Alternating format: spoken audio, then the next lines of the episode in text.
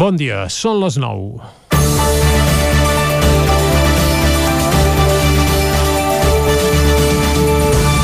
Aquest llarg cap de setmana de Pasqua Florida sembla que ha provat a la política catalana i que entre Esquerra i Junts per Catalunya s'han llimat algunes diferències que podrien fer que Pere Aragonès fos investit president pels vols de Sant Jordi. El pacte encara no s'ha tancat, però sembla que s'ha avançat força en el paper que ha de tenir a partir d'ara el Consell per la República.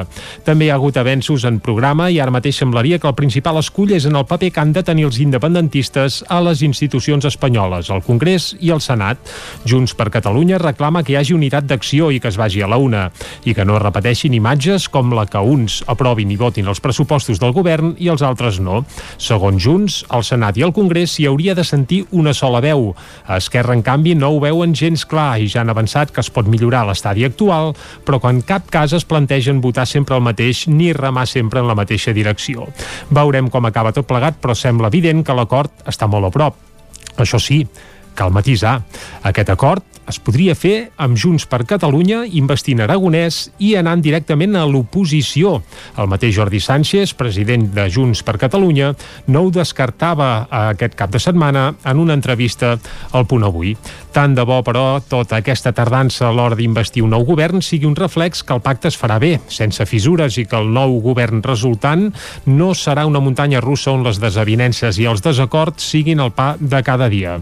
Pel bé de tots estaria bé que no es repetís una legislatura com la que va liderar el president Quim Torra. Ara, si el preu per tenir una legislatura plàcida és fer autonomisme, deixar passar el rellotge i limitar-se a gestionar el mentrestant, és evident que l'electorat no ho perdonarà.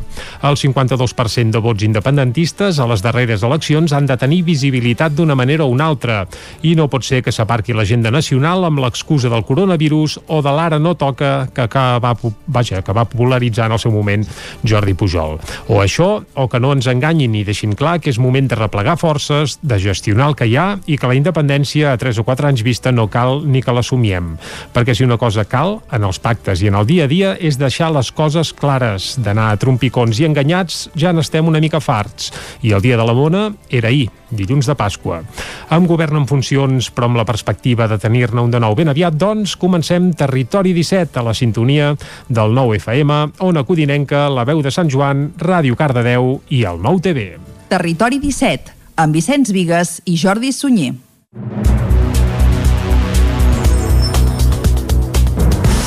Són les 9 i gairebé 3 minuts del dimarts, dia 6 d'abril de 2021. Comença aquí un nou Territori 17 que avui, com sempre, durant la primera hora us acostarà tota l'actualitat de les nostres comarques. Després, com que és dimarts, tindrem la Txela Falgueres amb el Buscat la Vida, parlarem d'economia amb Joan Carles Arredondo i avui acabarem fent tertúlia esportiva. Sí, no som dilluns, som dimarts, però acabarem fent tertúlia esportiva parlant de la jornada de Lliga de Primera Divisió, una jornada que es va tancar ahir amb la victòria del Barça davant del Valladolid, un Barça que ara mateix, per tant, depèn d'ell mateix per guanyar la Lliga. D'això en parlarem a la part final d'un programa que ara arrenquem tot fent un repàs a l'actualitat de les nostres comarques, les comarques del Ripollès, Osona, el Moianès i el Vallès Oriental.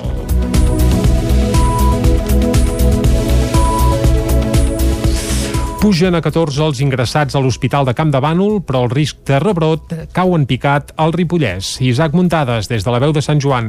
La situació epidemiològica derivada de la pandèmia de la Covid-19 no acaba de remetre del tot al Ripollès i és a l'Hospital de Camp de Bànol on aquests efectes es noten més. Si fa una setmana només hi havia 9 pacients ingressats, ara n'hi ha 14. A banda de les 9 persones que estaven recuperant dels efectes de la malaltia a l'àrea de sociosanitari, ara s'hi han de sumar 5 pacients més que estan a l'àrea d'aguts amb la infecció activa. Des de l'inici de la crisi sanitària, el centre hospitalari ha detectat 853 dels 2.371 casos que s'han diagnosticat a la comarca i ha donat d'alta a 262 pacients. Les bones notícies són que no hi ha cap professional positiu. Això sí, al Ripollès ja s'han produït 80 defuncions. El mossèn i rector de Ripoll, Joan Carles Serra, va ser l'última víctima de la pandèmia i va morir el passat dijous als 62 anys. També hi ha bones notícies respecte a la pandèmia i és que el ritme de vacunació s'ha incrementat i ja hi ha 3.971 persones que han rebut la primera dosi de la vacuna, gairebé un 16% dels habitants del Ripollès. La pauta completa del vaccí Montsí es redueix fins al 6%, amb 1.656 persones vacunades. Al Ripollès també s'han donat a conèixer els 7 punts on es vacunarà la població. El CAP del Ripollès, la Salau del Graells i l'edifici annex a l'Institut Abat Oliva de Ripoll, la sala de l'escorxador a Sant Joan de les Abadeses, l'espai de Cal Marquès a Camprodon, el Centre Cívic La Confiança de Can de Bànol i el Casal d'Avis de Ribes de Freser. El risc de rebrot de la comarca també ha caigut en picat i segons les últimes dades disponibles del Departament de Salut de la setmana del 26 a l'1 d'abril és de 266 punts, unes 4 vegades menys que fa una setmana. La RT també ha disminuït molt de 2,60 a 0,71 i els casos detectats per PCR o test d'antígens han caigut de 63 a 30 amb una taxa de positivitat que baixa 3 punts fins al 7%.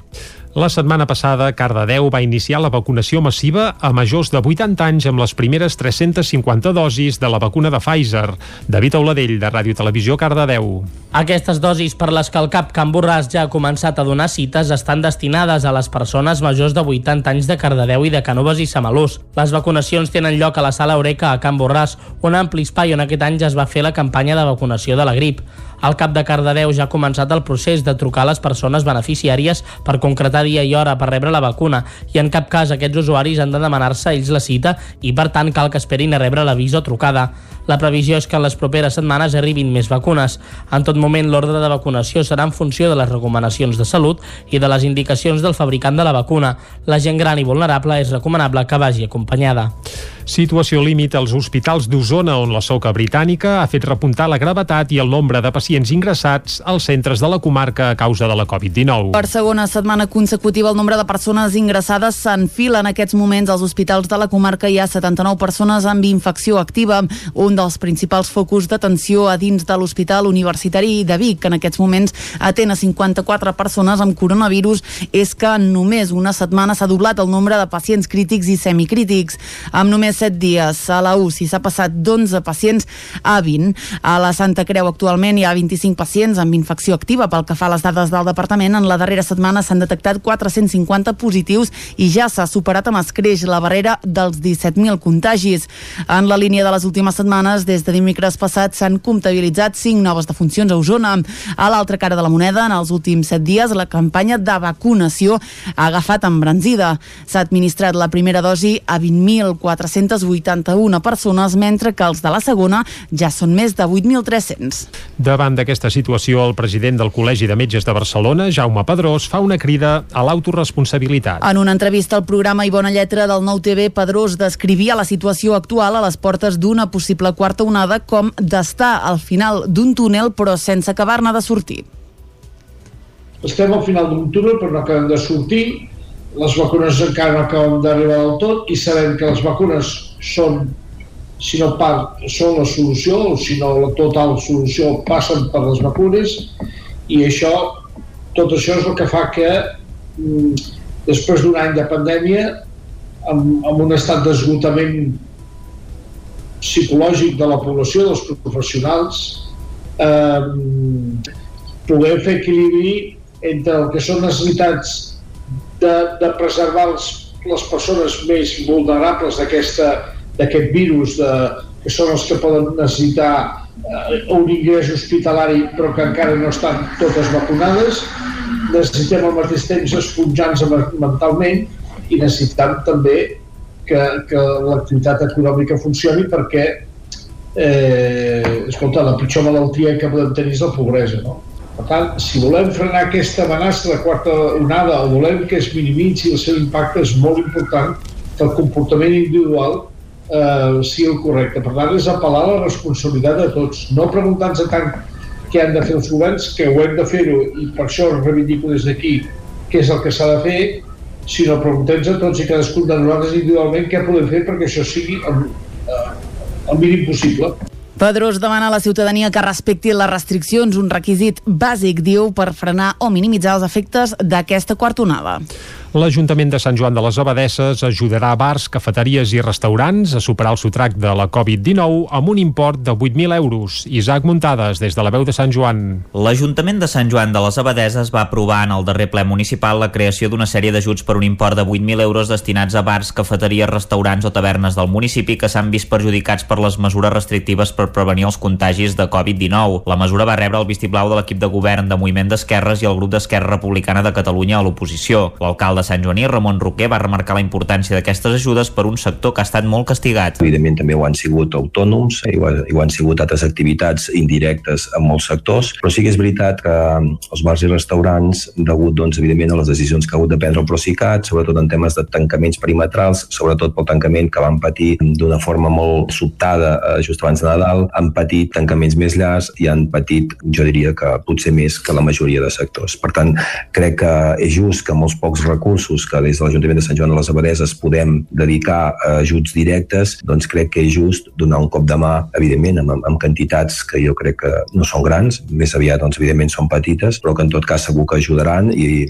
i donaran doncs, una mica d'aire a aquestes diferents activitats per pagar doncs, les despeses que ells puguin considerar que, que evidentment segur doncs, que són moltes. Cada establiment rebrà una quantitat determinada en funció de la grandària de la superfície. Així doncs, els locals de fins a 100 metres quadrats rebran 350 euros, els que tinguin entre 100 i 200 metres quadrats obtindran un import de 450 euros i finalment els establiments de més de 200 metres quadrats rebran 550 euros. Per poder optar a aquestes ajudes s'haurà d'estar empadronat a Sant Joan abans de l'1 de gener del 2020, està donat d'alta del cens de l'impost d'activitats econòmiques, tenir l'activitat legalitzada a la vila, estar al corrent de les obligacions tributàries i no haver estat condemnat per delictes d'odi per haver exercit o tolerat pràctiques discriminatòries per raó de sexe o de gènere ni haver estat objecte de sancions administratives fermes. El cap de l'oposició, Sergi Albric, va veure amb bons ulls les ajudes però va dir que eren insuficients. Tenia més marge perquè era una partida d'ajudes més gran, tant haguessin pogut ser més ambiciosos perquè en aquest cas els diners hi eren, i per tant hi havia per exemple 32.000 euros d'aportació del Clau Únic que haver destinat a crear i per tant acostar-nos més a la petició doncs, que el sector, per tant Unió de Botiguers i restaurants i bars van fer en,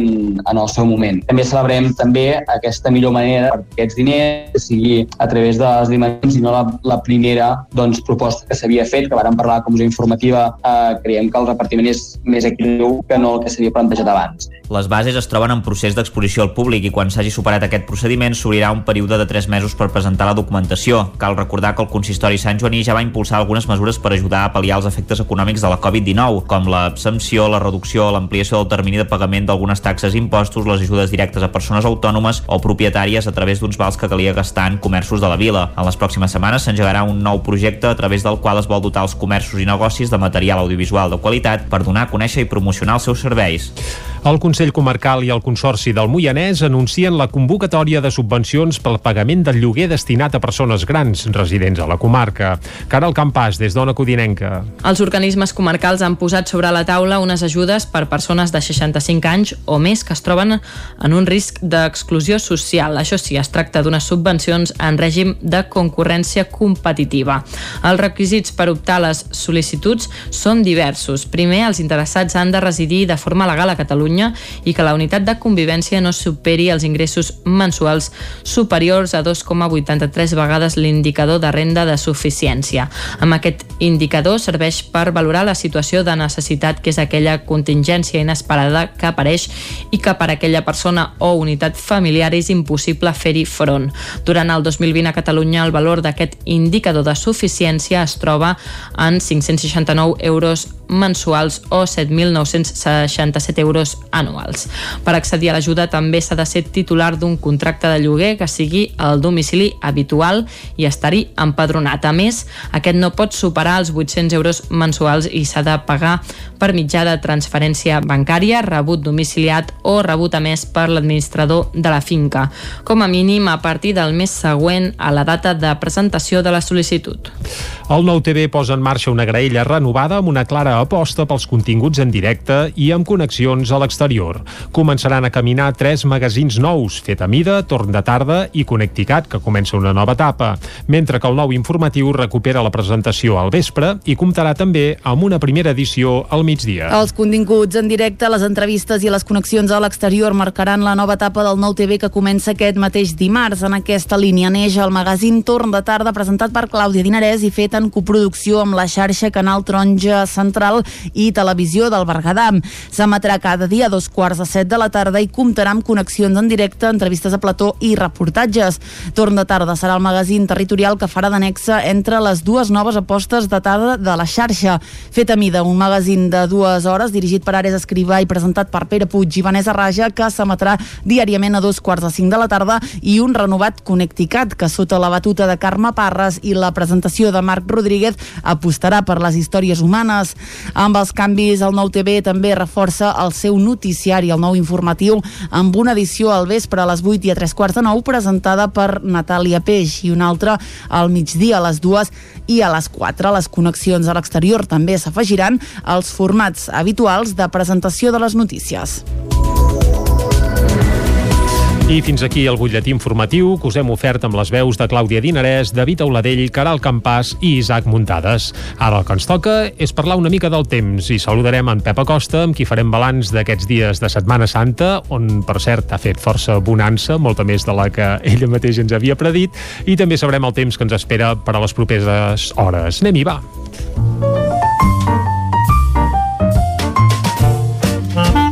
Casa Terradellos us ofereix el temps. Doncs, Pep, molt bon dia.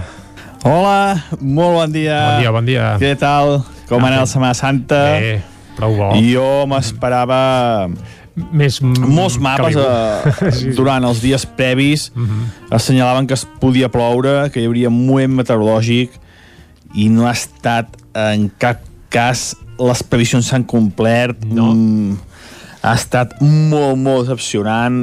Només va ploure alguna tarda una mica cap a Osona, cap a Ripollès. Res, molt poca cosa, eh? molt poca cosa. Començo a estar una mica preocupat. Hi ha molt dèficit d'aigua eh, un dèficit de neu espectacular. Està pelat al Pirineu. I eh, aquesta, les temperatures altes, sobretot les temperatures altes que hi va haver eh, dijous i divendres i a partir de dissabte van baixar, van baixar una mica. Aquesta nit ha sigut eh, moderadament fresca, eh, temperatures per sota els 5 graus en algunes poblacions de zona del Ripollès, amb alguna petita glaçada, molt petita a molt alta muntanya, i cap al litoral temperatures bastant suaus, eh, entre els 5 i els 10 graus. Què ens espera avui pel Aviam. que fa eh, al temps? Quin temps tindrem avui? Aviam, eh, bastant tranquil, però ens afecta aquesta entrada vent de nord, una entrada vent àrtic, que ha provocat nevades a gran part d'Europa, tempestes de neu a moltes zones d'Europa, doncs eh, de trasquillar ens afectarà. No ens afectarà de manera molt important. Però això sí, tindrem vent de nord, sobretot a les zones de muntanya del Pirineu. Es notarà aquesta entrada de vent de nord, bufarà moderadament el, el vent de nord i portarà núvols. Portarà núvols i quan entra Tramuntana, eh, sempre ho dic, entra vent de nord, a Tramuntana i Mestral, eh, cap al prelitoral eh, es forma un... Eh, per culpa del vent es poden formar nuvolades. Uh, aquesta nit jo ja preveia alguna tempesteta, no n'hi ha hagut ni una. Mm, veurem com evoluciona les pròximes hores, però hi ha algun mapa que, que hi ha la possibilitat que hi hagi tempestes, sobretot cap a zona del prelitoral. Uh, Vallès i fins i tot alguna població d'Osona durant aquest migdia. Veurem què acaba passant, perquè és que els mapes que anuncien pluja no s'acaba complit ni un. Mm, jo tinc esperances que una mica de pluja pugui caure, eh? sobretot cap al prelitoral. I degut a aquests vents de nord, eh? aquests vents de nord provoquen això, que quan bufa nord a, a la Costa Brava i a, i a Costa Daurada, eh, doncs eh, hi hagi aquesta probabilitat de, possibilitat sobretot cap al prelitoral Montseny les pròximes però veurem què acaba passant els mapes anuncien que és bastant possible però jo ja no ja, me- ja me Ja no n'enfio. te n'enfies, eh? Uh, uh, cap al Pirineu independentment també aquest vent de nord ha portat més nomositat i no és impossible que hi hagi una petita nevada sobretot cap a la zona de Baiter Uh, però també poca cosa, eh? Mm, tant les tempestes del peritoral com les nevades del Pirineu uh, portaran molts pocs litres, molt poca neu i per tant continuarà aquest dèficit de pluja i aquest, aquest dèficit de neu, eh? No, no, no va aclarar aquests dos, dos fenòmens. I les temperatures màximes seran molt semblants a les d'ahir. La majoria entre els 18 i els 22 graus. No, temperatures bastant normals per l'època de l'any. I bueno, ja tenim aquí la informació meteorològica completa. Esperem que tingueu un molt bon dia, esperem veure una mica de pluja, aviam si és veritat, i que mica en mica aquest dèficit d'aigua que tenim tan important es pugui anar corregint. Moltes gràcies i molt bona setmana. Adeu. Vinga, moltes gràcies a tu, Pep. Això sí, notem una mica moix, eh? perquè aquestes previsions de Setmana Santa, bé, afortunadament per alguns no han acabat d'estar encertades i ha fet molt bo i per tant hem pogut gaudir d'uns quants dies doncs, ideals per anar a fer un passeig i anar d'excursió. Aviam si s'atansa la pluja de cara a aquests propers dies. Tanquem aquí a la pàgina meteorològica, anirem ara de seguida cap al quiosc. Casa Tarradellas us ha ofert aquest espai. Territori 17. Envia'ns les teves notes de veu per WhatsApp al 646 079 023. 646 079 023. WhatsApp Territori 17.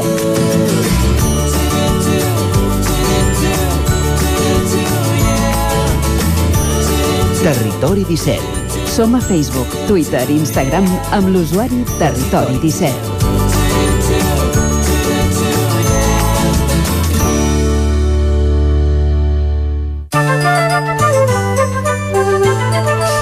Doncs vinga, anem cap al quiosc i ho fem de la mà de Clàudia Dinarès, a qui saludem de nou. Bon dia, Clàudia. Molt bon dia a tothom. Què diuen els diaris avui? Doncs van carregats, Jordi. Comencem amb Mhm. les portades catalanes, concretament amb el punt avui que parla d'un fons de futur. Diu el pla europeu Next Generation es veu com una eina de transformació, però es recela de la gestió que en faci el govern espanyol. Avui hem de parlar del Barça. Diu victòria per somiar en la Lliga. El Barça s'imposa al Valladolid en l'últim sospir en un partit espès. Eh, pel que fa a la pandèmia, Salut s'agafa tres dies per decidir si calen o no calen més mesures i un dels protagonistes de les portades d'aquest dimarts és Alonso Cuevillas. Diu Junts, a part eh, Alonso Cuevillas de la mesa del Parlament en anirem parlant, anem al diari Ara que diu Junts per Catalunya aparta Cuevillas per haver qüestionat la confrontació simbòlica.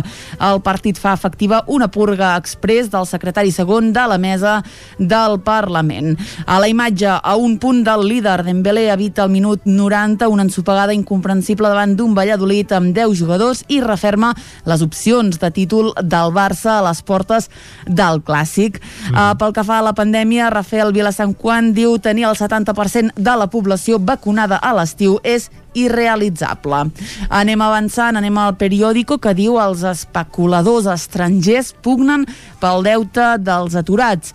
Les obligacions generades per l'impacte de la pandèmia asfixien particulars i també a petits negocis. A la imatge, botellons de primavera. Les altes temperatures de Pasqua disparen les festes nocturnes a les platges de Barcelona.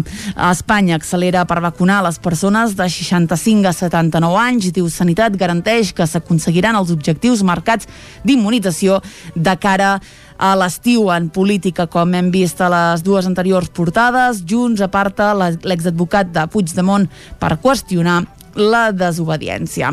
Anem a l'avantguàrdia, que precisament obre amb aquest tema. Diu la purga de Cuevillas complica la negociació entre Esquerra i Junts per Catalunya. L'advocat apartat de la mesa del Parlament per haver qüestionat l'estratègia de confrontació. Esquerra, per la seva banda, no dona per fet el seu suport a Madaula com a substituta. Anem a la imatge de la portada de l'avantguàrdia que diu milions de vacunes contra la quarta onada. Canviem de tema, Espanya s'endeutarà en dos anys per 150.000 milions. Ayuso s'imposarà àmpliament al 4M segons el CIS, ara en parlarem, i el príncep Jordà, arrestat per rebel·lió, jura fidelitat al rei. Molt bé, tanquem aquí les portades d'àmbit nacional, anem a les d'àmbit estatal. Doncs va, comencem amb el país i com deia ara, us, uh, us deia aquesta notícia eh, del 4M, comencem precisament per aquí.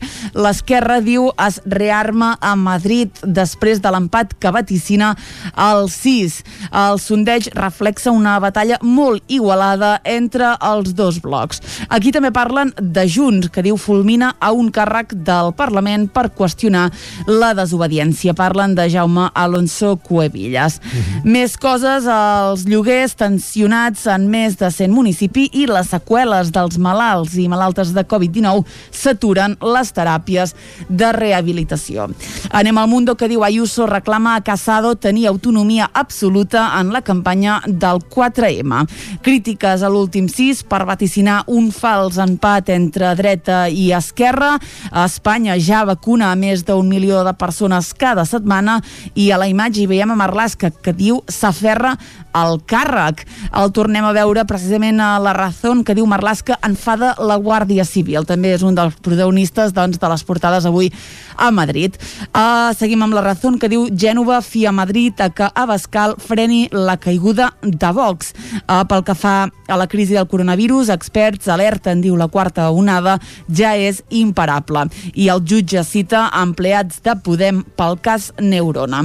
Acabem, com sempre, amb l'ABC que diu la Comunitat de Madrid va temptejar la compra de vacunes a Sputnik. El conseller de Sanitat es va reunir tres vegades amb representants del fàrmac rus en busca d'un acord per tot a Espanya. Diu l'objectiu de Ruiz Escudero era explorar negociacions davant la inoperància del govern central. A la part central de la portada hi veiem a Salvador Illa i també hi veiem a Ivan Redondo, diu el PP, denuncia Redondo per exercir d'assessor de Salvador Illa a la campanya catalana. Creu que la labor partidista és incompatible amb els seus càrrecs oficials a la presidència del govern. Doncs moltes gràcies, Clàudia, per aquest repàs. Fins ara. Les portades de Madrid que ja pensen això, amb el 4M, eleccions a la Comunitat de Madrid, unes eleccions amb uns sondejos que es van fer públics aquest cap de setmana. Les portades catalanes, en canvi, eh, totes picaven una mica del Barça i per això també farem un cop d'ull a la premsa esportiva. Per exemple, l'Esportiu avui diu, titula, vaja, picada d'or, fent referència a aquest gol de Dembélé, que desencalla en temps afegit un partit que el Barça havia consumit mastegant sorra i acumulant ansietat. Això és text del nou esportiu. Uh, si ens centrem en el Mundo Deportivo, titulen Gol de Lliga i a l'esport un gol de campionat, fent referència a això, que aquest gol eh, que va fer Dembélé ja gairebé en temps afegit, doncs pot valer un títol de Lliga. De tota manera, el Barça encara no va primer, va segon, això sí, a només un punt de l'Atlètic de Madrid, per tant, per primer cop en molts i molts caps de setmana, diguem que els blaugranes depenen d'ells mateixos per acabar aconseguint el títol de Lliga. Però d'això en parlarem a la part final de Territori 17, que avui, tot i ser dimarts, també tindrà tertúlia esportiva. Ara el que ens toca és tancar aquí aquest repàs a la premsa d'avui. I el que farem de seguida és fer una breu pausa, re, 3 minuts de desconnexió i tornarem a dos quarts de 10 en punt, acostant-vos de nou l'actualitat de les nostres comarques, les comarques del Ripollès, Osona, el Moianès i el Vallès Oriental. El nou FM, la ràdio de casa, al 92.8. Papeta Vilaró. Menjar a domicili per a gent gran. Menús saludables i adaptats segons les seves necessitats. Per viure més temps a casa amb millor salut i qualitat de vida. Informa-te'n al 931 31 71 81 o a papetavilaró.cat. Papeta Vilaró. La salut i el benestar dels nostres avis comença per cuidar el que mengen. Aquesta primavera, per estar bé a casa, vine a Mobles Verdolet. Sofàs, sales d'estudi, dormitoris, menjadors i molt més. Mobles fets a mida. Mobles Verdolet. Ens trobareu al carrer Morgades 14 de Vic i al carrer 9 44 de Torelló i també a moblesverdolet.com. Cobertes serveis funeraris. Els nostres tanatoris estan ubicats en els nuclis urbans més poblats de la comarca d'Osona per oferir un millor servei. Tanatori de Vic, Tanatori de Manlleu, Tanatori de Centelles i Tanatori de Roda de Ter. Sabem que són moments difícils i per això el nostre compromís és atendre-us en tot moment amb un tracte humà, sensible i respectuós. Cobertes serveis funeraris. Telèfon 24 hores 93 883 23 46. Com protegir-nos de la Covid-19 en el dia a dia? Millor a l'exterior que a l'interior. Millor amb poques persones que amb moltes. Millor dins la teva bombolla que fora. Millor poc temps que molt temps. Millor persones de risc baix que de risc alt. Informa't a canalsalut.gencat.cat. Sistema de Salut de Catalunya. Generalitat de Catalunya. Passema, comercial de maquinària i utillatges amb més de 50 anys al vostre servei. Visiteu la nostra botiga i trobareu productes de gran qualitat. Passema, som al polígon Sot dels Pradals, al carrer Cervera 10 de Vic. Telèfon 93 885 32 51. El nou FM, la ràdio de casa, al 92.8. A Vic, T52, un taller d'emocions. Una celebració, un reconeixement, un record, la victòria, el premi. Tenim una solució personalitzada per a cada ocasió. Ens trobaràs al centre, al carrer 941 i també a l'Horta Vermella, al carrer Menéndez Pelayo 31. Més informació a t52.cat. Hi ha sensacions que són úniques. Aquell bany relaxant, mirar per la finestra quan plou i com les calderes Bailand, que li ofereixen fins a 15 anys de cobertura total amb el servei tècnic oficial Bailand. Informis a Oficiat Nord trucant al 93 886 0040. Amb el servei tècnic oficial de Bailand, la seva caldera estarà en les millors mans. El nou FM, el nou FM, el nou FM, el nou FM, el nou FM. Territori 17, amb Vicenç Vigues i Jordi Sunyer. Dos quarts de deu del matí, en punt d'avui dimarts, dia 6 d'abril de 2021. S'acaba la Setmana Santa, recuperem la normalitat i comença avui mateix el darrer trimestre escolar, eh, també amb un temps molt primaveral, eh, dia més a més avui de Sant Guillem, per tant felicitats als Guillems que celebrin el seu centural avui i dia en què Territori 17, doncs de moment us ha costat ja l'actualitat de les nostres comarques, de seguida hi tornarem i després a partir de les 10 un nou butlletí informatiu. Avui també parlarem de d'Economia, com tots els dimarts, amb Joan Carles Arredondo. També tindrem el Buscat la Vida amb la Txela Falgueres. Descobrirem algun racó del territori al Descobrint Catalunya, que cada dia ens arriba puntualment des de Ràdio Cardedeu. Passarem per la R3, on cada dia hi ha aventures i desventures. I acabarem avui, tot i ser dimarts, fent tertúlia esportiva amb els nostres tertulians habituals. Per què? Doncs perquè ahir es va tancar la jornada de Lliga de Primera Divisió i el Barça està a només un punt del liderat per tant, en poc temps, com ha canviat aquesta lliga. D'això en farem uh, una mica de suc a la part final d'un territori 17, que ara segueix tot acostant-vos de nou l'actualitat de casa nostra, l'actualitat de les comarques del Ripollès, Osona, el Moianès i el Vallès Oriental.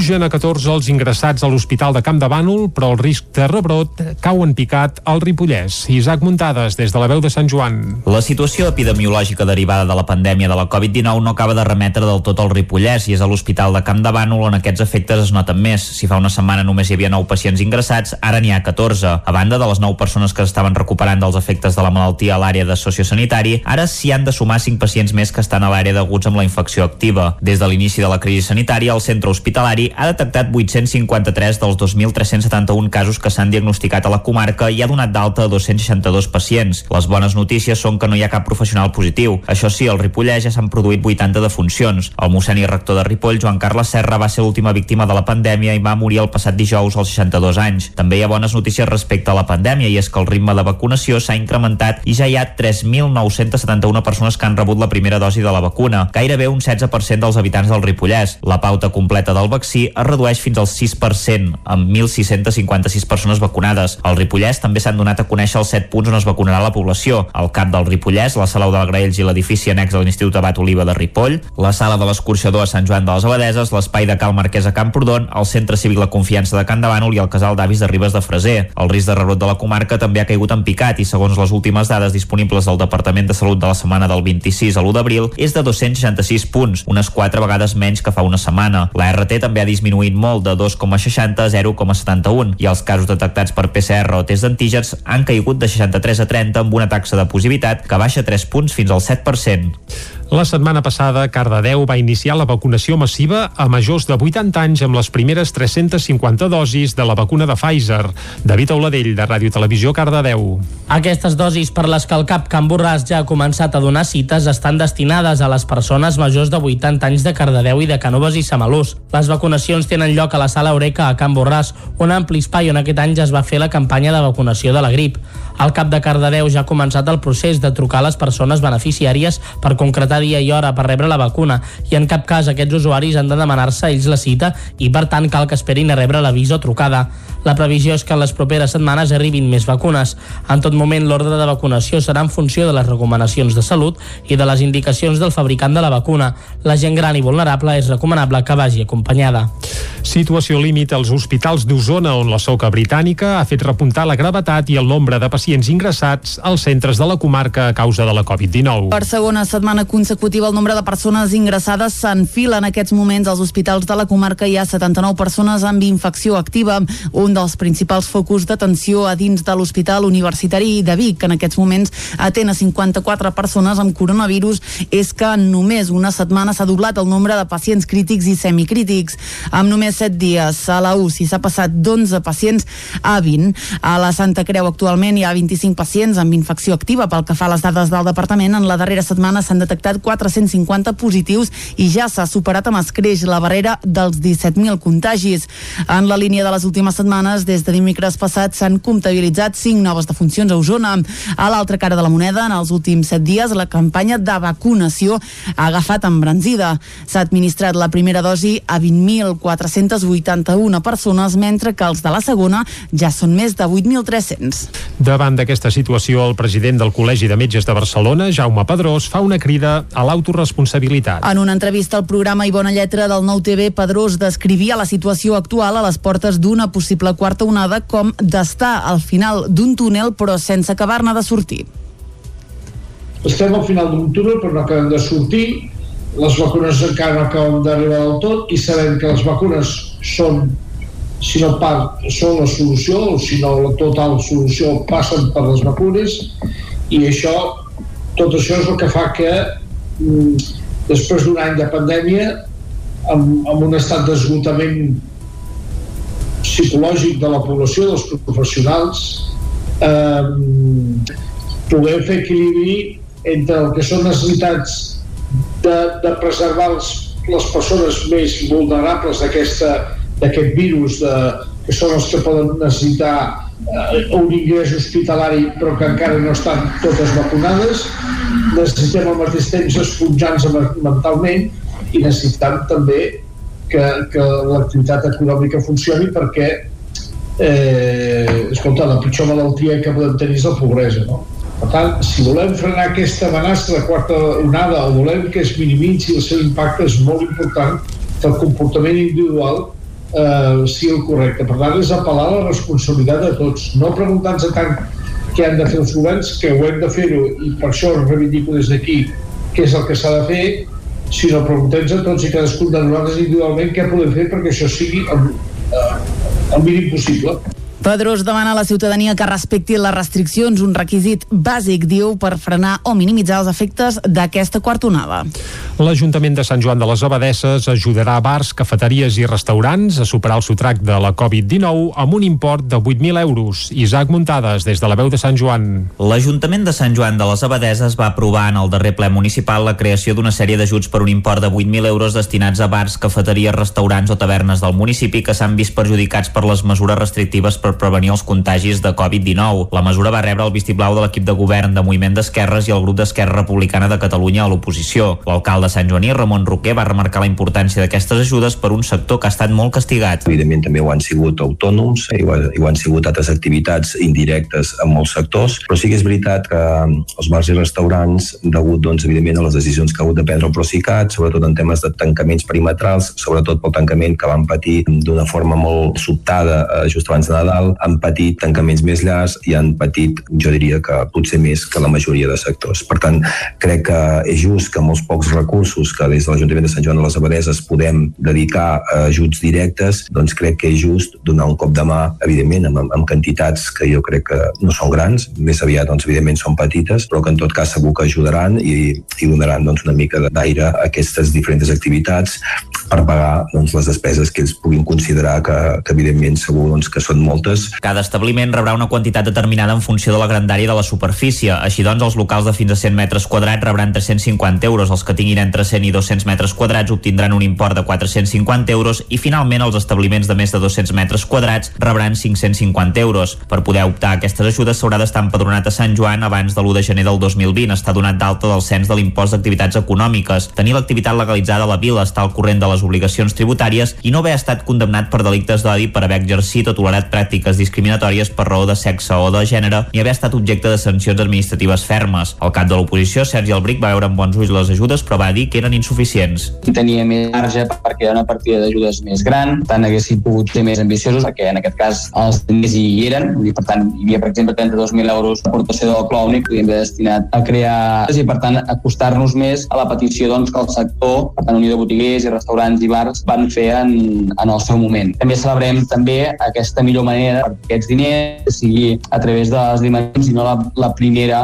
doncs, proposta que s'havia fet, que vàrem parlar a comissió informativa, eh, creiem que el repartiment és més equilibreu que no el que s'havia plantejat abans. Les bases es troben en procés d'exposició al públic i quan s'hagi superat aquest procediment s'obrirà un període de 3 mesos per presentar la documentació. Cal recordar que el consistori Sant Joaní ja va impulsar algunes mesures per ajudar a pal·liar els efectes econòmics de la Covid-19, com l'absempció, la reducció, l'ampliació del termini de pagament d'algunes taxes i impostos, les ajudes directes a persones autònomes o propietàries a través d'uns vals que calia gastar en comerços de la vila. En les pròximes setmanes s'engegarà un nou projecte a través del qual es vol dotar els comerços i negocis de material audiovisual de qualitat per donar a conèixer i promocionar els seus serveis. El Consell Comarcal i el Consorci del Moianès anuncien la convocatòria de subvencions pel pagament del lloguer destinat a persones grans residents a la comarca. Caral Campàs, des d'Ona Codinenca. Els organismes comarcals han posat sobre la taula unes ajudes per persones de 65 anys o més que es troben en un risc d'exclusió social. Això sí, es tracta d'unes subvencions en règim de concurrència competitiva. Els requisits per optar a les sol·licituds són diversos. Primer, els interessats han de residir de forma legal a Catalunya i que la unitat de convivència no superi els ingressos mensuals superiors a 2,83 vegades l'indicador de renda de suficiència.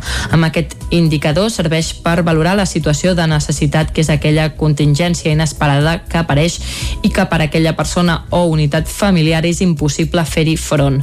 Durant el 2020 a Catalunya el valor d'aquest indicador de suficiència es troba en 569 euros mensuals o 7.967 euros anuals.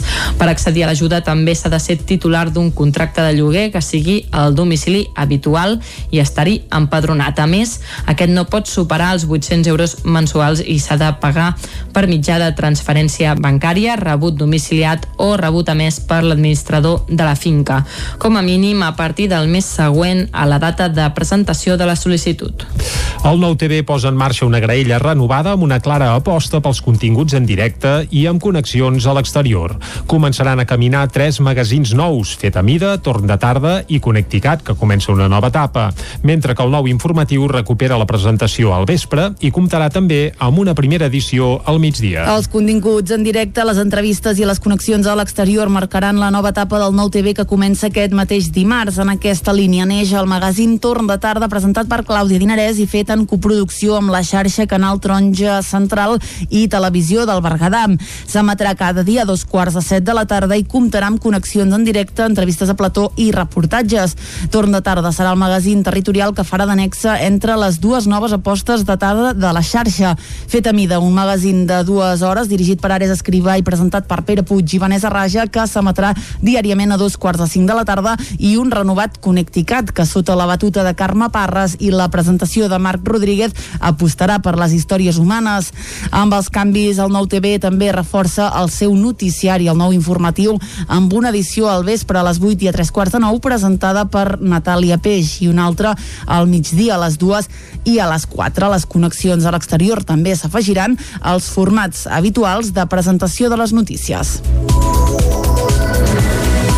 I fins aquí el butlletí informatiu que us hem ofert amb les veus de Clàudia Dinarès, David Auladell, Caral Campàs i Isaac Muntades. Ara el que ens toca és parlar una mica del temps i saludarem en Pep Acosta, amb qui farem balanç d'aquests dies de Setmana Santa, on, per cert, ha fet força bonança, molta més de la que ella mateix ens havia predit, i també sabrem el temps que ens espera per a les properes hores. Anem-hi, va!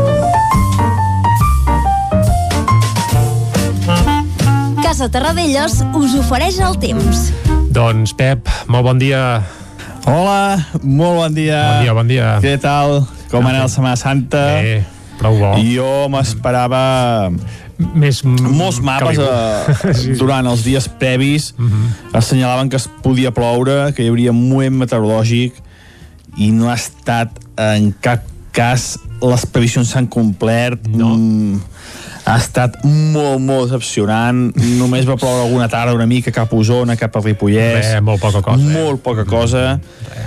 Començo a estar una mica preocupat. Hi ha molt dèficit d'aigua, eh, un dèficit de neu espectacular, està pelat al Pirineu i eh, aquesta, les temperatures altes, sobretot les temperatures altes que hi va haver eh, dijous i divendres i a partir de dissabte van baixar, van baixar una mica. Aquesta nit ha sigut eh, moderadament fresca, eh, temperatures per sota els 5 graus en algunes poblacions de zona Ripollès, amb alguna petita glaçada, molt petita a molt alta muntanya, i cap al litoral temperatures bastant suaus, eh, entre els 5 i els 10 graus. Què ens espera avui pel Aviam. que fa eh, al temps? Quin temps tindrem avui?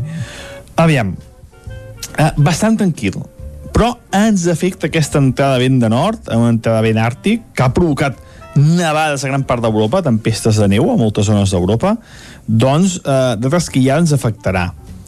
No ens afectarà de manera molt important però això sí, tindrem vent de nord, sobretot a les zones de muntanya del Pirineu. Es notarà aquesta entrada de vent de nord, bufarà moderadament el, el vent de nord i portarà núvols. Portarà núvols i quan entra Tramuntana, eh, sempre ho dic, entra vent de nord, a Tramuntana i Mestral, eh, cap al prelitoral eh, es forma un... Eh, per culpa del vent es poden formar nuvolades Uh, aquesta nit jo ja preveia alguna tempesteta, no n'hi ha hagut ni una. Mm, veurem com evoluciona les pròximes hores, però hi ha algun mapa que, que hi ha la possibilitat que hi hagi tempestes, sobretot cap a zona del prelitoral. Uh, Vallès i fins i tot alguna població d'Osona durant aquest migdia veurem què acaba passant, perquè és que els mapes que anuncien pluja no s'acaba complit ni un. Mm, jo tinc esperances que una mica de pluja pugui caure, eh? sobretot cap per litoral. I degut a aquests vents de nord, eh? aquests vents de nord provoquen això, que quan bufa nord a, a la Costa Brava i a, i a Costa Daurada, doncs eh, hi hagi aquesta possibilitat de, possibilitat d'empestes sobretot cap al prelitoral. Eh, Montseny les pròximes. Però veurem què acaba passant. Els mapes anuncien que és bastant possible. Però jo ja no ja, ja me ja no te n'enfies eh? Uh, uh, cap al Pirineu independentment també aquest vent de nord aportar més nomositat i no és impossible que hi hagi una petita nevada sobretot cap a la zona de Baiter. Uh, però, però també poca cosa, eh? Mm, tant les tempestes del peritoral com les nevades del Pirineu eh, portaran molts pocs litres, molt poca neu i per tant continuarà aquest dèficit de puja i aquest, aquest dèficit de neu eh? no, no, no va aclarar aquests dos, dos fenòmens i les temperatures màximes seran molt semblants a les d'ahir la majoria entre els 18 i els 22 graus no, temperatures bastant normals per l'època de l'any i bueno, ja tenim aquí la informació meteorològica completa. Esperem que tingueu un molt bon dia. Esperem veure una mica de puja, aviam si és veritat i que mica en mica aquest dèficit d'aigua que tenim tan important es pugui anar corregint. Moltes gràcies i molt bona setmana. Adeu. Vinga, moltes gràcies a tu, Pep. Això sí, notem una mica moix, eh? perquè aquestes previsions de Setmana Santa, bé, afortunadament per alguns no han acabat d'estar encertades i ha fet molt bo i per tant hem pogut gaudir d'uns quants dies doncs, ideals per anar a fer un passeig i anar d'excursió. Aviam si s'atansa la pluja de cara a aquests propers dies. Tanquem aquí a la pàgina meteorològica. Anirem ara de seguida cap al quiosc. Casa Tarradellas us ha ofert aquest espai. Territori 17. Envia'ns les teves notes de veu per WhatsApp al 646 079 023. 646 079 023. WhatsApp Territori 17.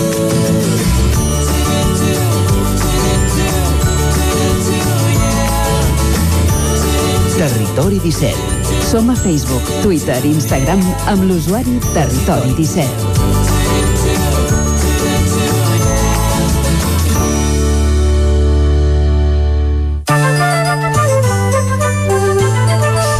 Doncs vinga, anem cap al quiosc i ho fem de la mà de Clàudia Dinarès, a qui saludem de nou. Bon dia, Clàudia. Molt bon dia a tothom. Què diuen els diaris avui? Doncs van carregats, Jordi. Comencem amb les portades catalanes, concretament amb el punt avui que parla d'un fons de futur.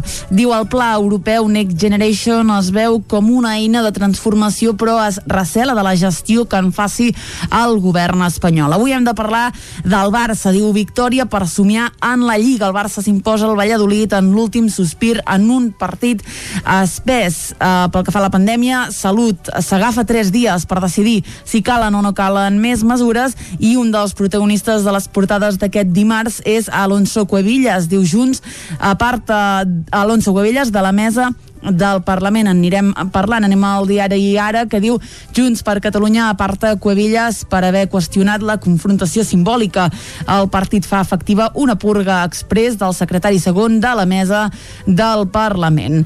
A la imatge, a un punt del líder, Dembélé evita al minut 90 una ensopegada incomprensible davant d'un Valladolid amb 10 jugadors i referma les opcions de títol del Barça a les portes del Clàssic. Mm. Uh, pel que fa a la pandèmia, Rafael Vilasanquan Joan diu tenir el 70% de la població vacunada a l'estiu és irrealitzable.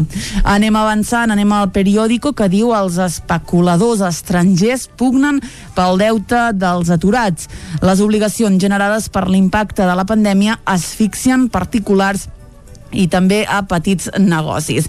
A la imatge, botellons de primavera. Les altes temperatures de Pasqua disparen les festes nocturnes a les platges de Barcelona. A Espanya accelera per vacunar les persones de 65 a 79 anys. Diu Sanitat garanteix que s'aconseguiran els objectius marcats d'immunització de cara a l'estiu en política, com hem vist a les dues anteriors portades. Junts aparta l'exadvocat de Puigdemont per qüestionar la desobediència.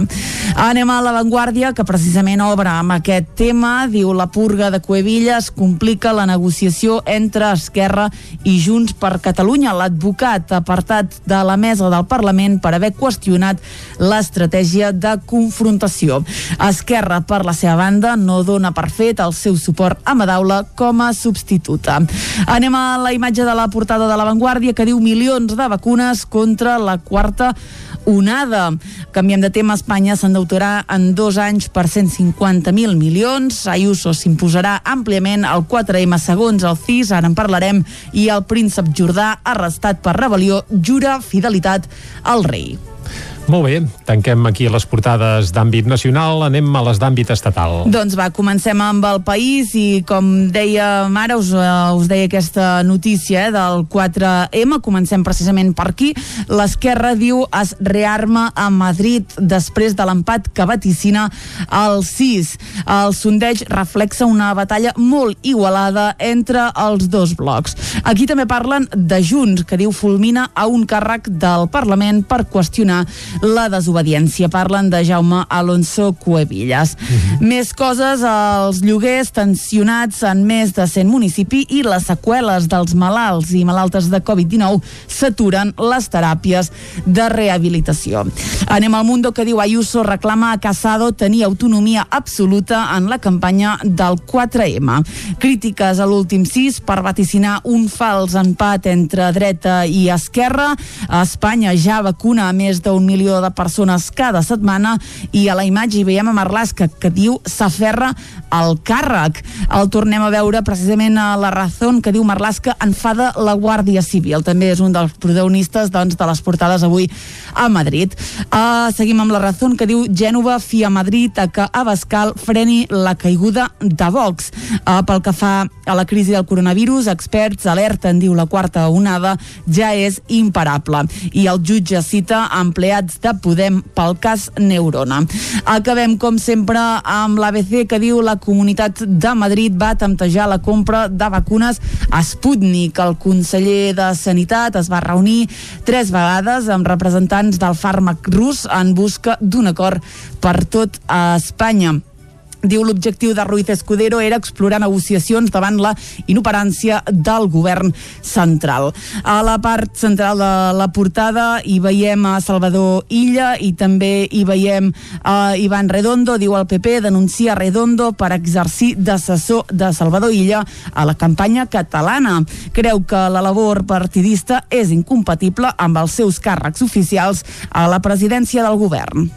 Doncs moltes gràcies, Clàudia, per aquest repàs. Fins ara. Les portades de Madrid que ja pensen en això, amb el 4M, eleccions a la Comunitat de Madrid, unes eleccions amb uns sondejos que es van fer públics aquest cap de setmana. Les portades catalanes, en canvi, eh, totes picaven una mica del Barça i, i per això també farem un cop d'ull a la premsa esportiva. Per exemple, l'Esportiu avui diu, titula, vaja, picada d'or, fent referència a aquest gol de Dembélé, que desencalla en temps afegit un partit que el Barça havia consumit mastegant sorra i acumulant ansietat. Això és text del nou esportiu. Uh, si ens centrem en el Mundo Deportivo, titulen Gol de Lliga i a l'esport un gol de campionat, fent referència a això, que aquest gol uh, que va fer Dembélé ja gairebé en temps afegit, doncs pot valer un títol de Lliga. De tota manera, el Barça encara no va primer, va segon, això sí, a només un punt de l'Atlètic de Madrid, per tant, per primer cop en molts i molts caps de setmana, diguem que els blaugranes depenen d'ells mateixos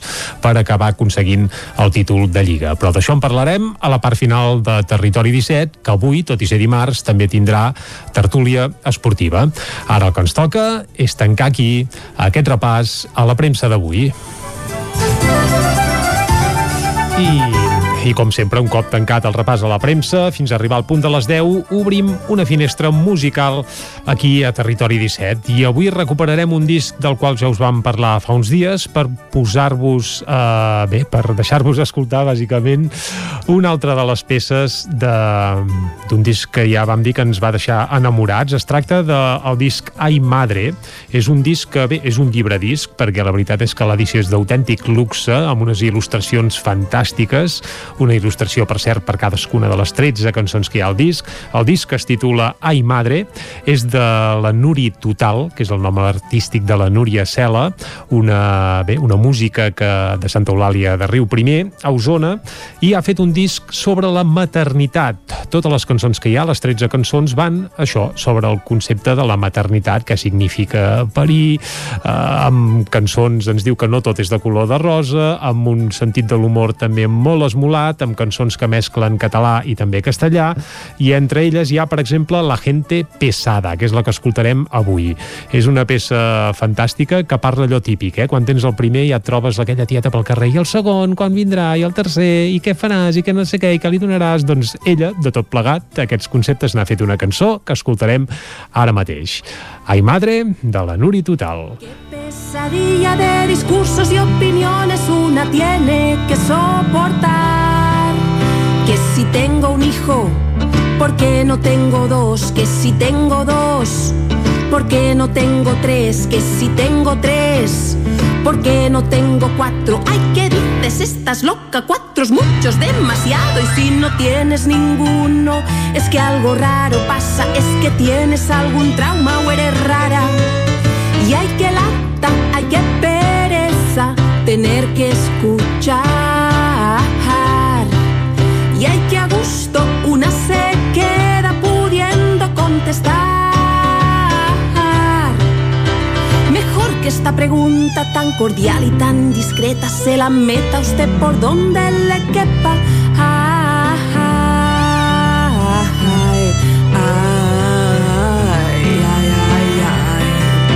Que si das la teta, porque das la teta, y si no das teta, porque no la das. Si parto natural, esto es una animalada, y si es con epidural, una cagada. Si porteo maleduco, me saldrá un bebé mimado, poco autónomo y malcriado. Y si hago lo contrario, me saldrá muy solitario, desplazado y marginado. Y es que hagas lo que hagas, siempre hay el pesado de turno que sabe más que tú y que el mundo. Y hay que lata, hay que pereza tener que escuchar. Y hay que a gusto una se queda pudiendo contestar. Mejor que esta pregunta tan cordial y tan discreta se la meta usted por donde le quepa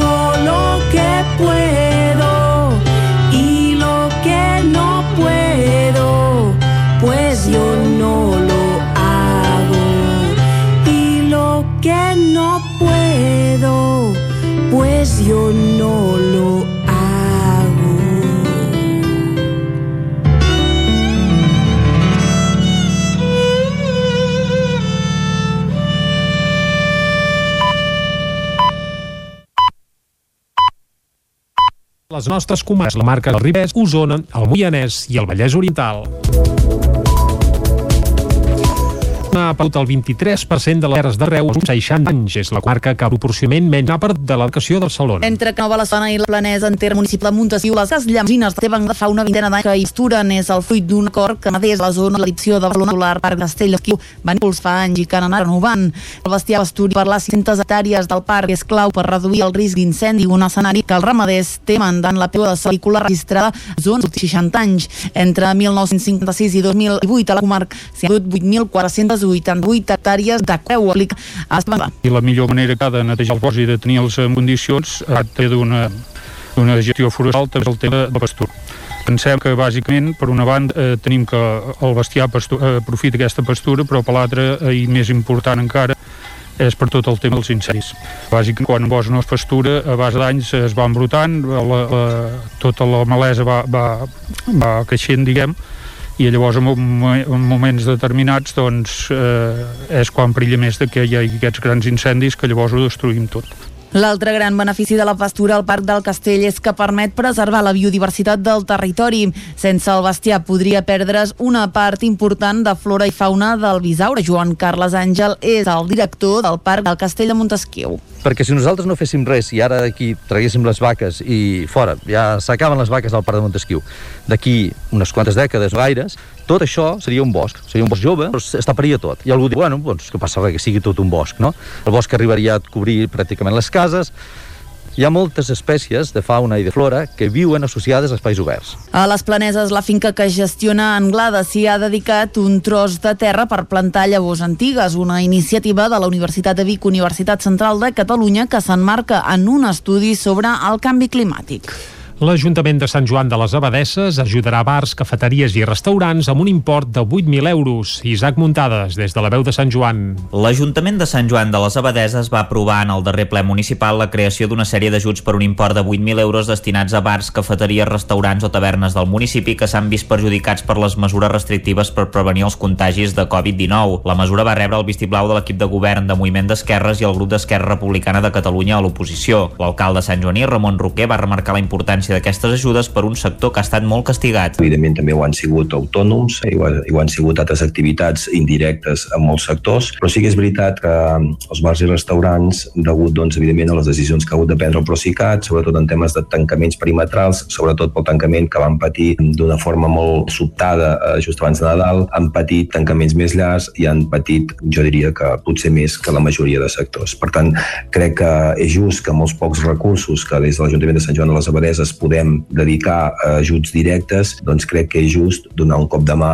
evidentment, amb, amb quantitats que jo crec que no són grans, més aviat, doncs, evidentment, són petites, però que en tot cas segur que ajudaran i, i donaran doncs, una mica d'aire a aquestes diferents activitats per pagar doncs, les despeses que ells puguin considerar que, que evidentment segur doncs, que són moltes. Cada establiment rebrà una quantitat determinada en funció de la grandària de la superfície. Així doncs, els locals de fins a 100 metres quadrats rebran 350 euros, els que tinguin entre 100 i 200 metres quadrats obtindran un import de 450 euros i finalment els establiments de més de 200 metres quadrats rebran 550 euros. Per poder optar a aquestes ajudes s'haurà d'estar empadronat a Sant Joan abans de l'1 de gener del 2020, estar donat d'alta del cens de l'impost d'activitats econòmiques, tenir l'activitat legalitzada a la vila, estar al corrent de les obligacions tributàries i no haver estat condemnat per delictes d'odi per haver exercit o tolerat pràctiques discriminatòries per raó de sexe o de gènere ni haver estat objecte de sancions administratives fermes. El cap de l'oposició, Sergi Albric, va veure amb bons ulls les ajudes però va dir que eren insuficients. Tenia més marge perquè era una partida d'ajudes més gran, tant haguessin pogut ser més ambiciosos, perquè en aquest cas els diners hi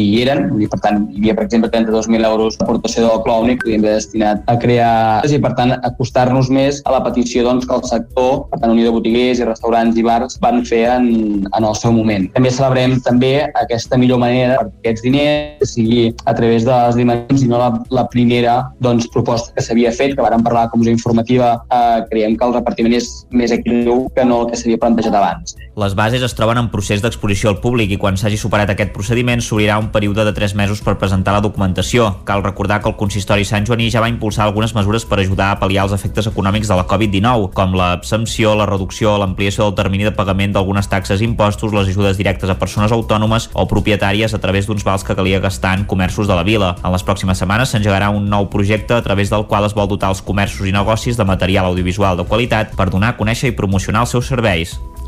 La manca d'habitatge social a Sant Feliu de Codines fa que l'Ajuntament es planegi adaptar dues propietats cedides al consistori per a casos d'emergència habitacional.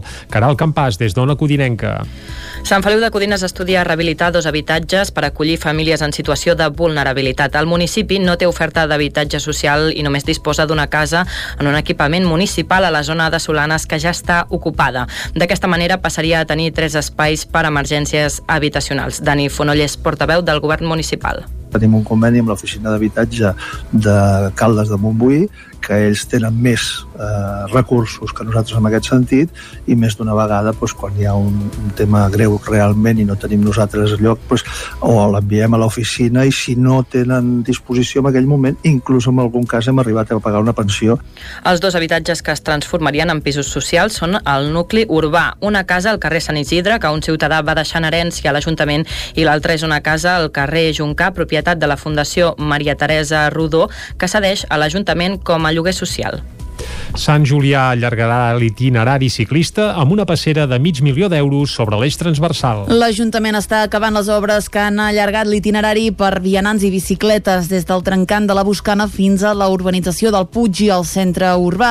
Dilluns, però, es va aprovar el projecte que servirà per perllongar-lo en el seu altre extrem, el de la banda de Vilallaons. La proposta que ha elaborat la Diputació de Barcelona planteja recuperar un carril ja existent però que queda en via morta en un trencant que dona accés a l'eix transversal salvant-lo amb una passera paral·lela al pont sobre la C25. Aquesta via separada de la carretera convencional per una tanca de fusta i metall és la que es reservarà al pas de gent a peu i en bicicleta. L'execució del conjunt del projecte puja a 521.000 euros.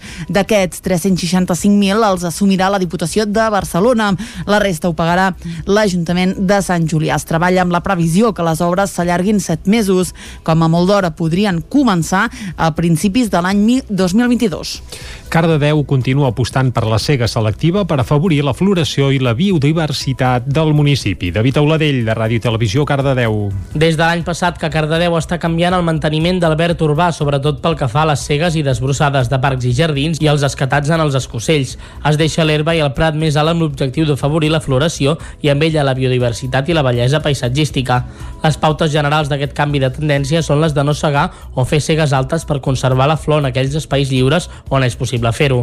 La cega es fa més arran de terra als accessos i als voltants dels parcs i papereres dins dels parcs i a les àrees amb taules de pícnic. També es delimiten espais de pas entre el parc i el bordó de la vorera, especialment quan hi ha zona d'aparcaments.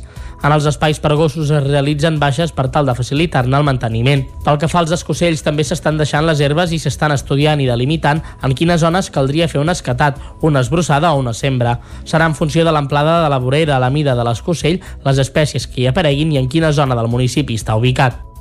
La ceràmica de Sol Roca i la fotografia de Josep Maria Montaner són els protagonistes dels cicles artístics de l'ACVIC. L'empremta del fotoperiodista Josep Maria Montaner és ben present a la imatge de grans dimensions que des de fa setmanes presideix l'entrada de l'ACVIC. La va disparar l'any passat a Vallroc, a Prada Conflent, on va viure Pau Casals. A la imatge on apareix Santi Miret tocant una viola de gamba s'hi aprecia la composició de llums que van acompanyar una escena molt meditada, ho explica Montaner. Sí, sí, sí, sí, perquè jo vaig pujar, que devien ser quarts de 12, i vaig veure aquella llum que entrava pels finestrals. A més, me'n recordo d'una foto que hi ha del Pau Casals tocant a la galeria que dona aquests finestrals, i és que allà ho vaig veure, no? vaig veure aquesta atmosfera. A més a més, des de la galeria es veu molt bé el Canigó, Vull que és un lloc també molt especial, no?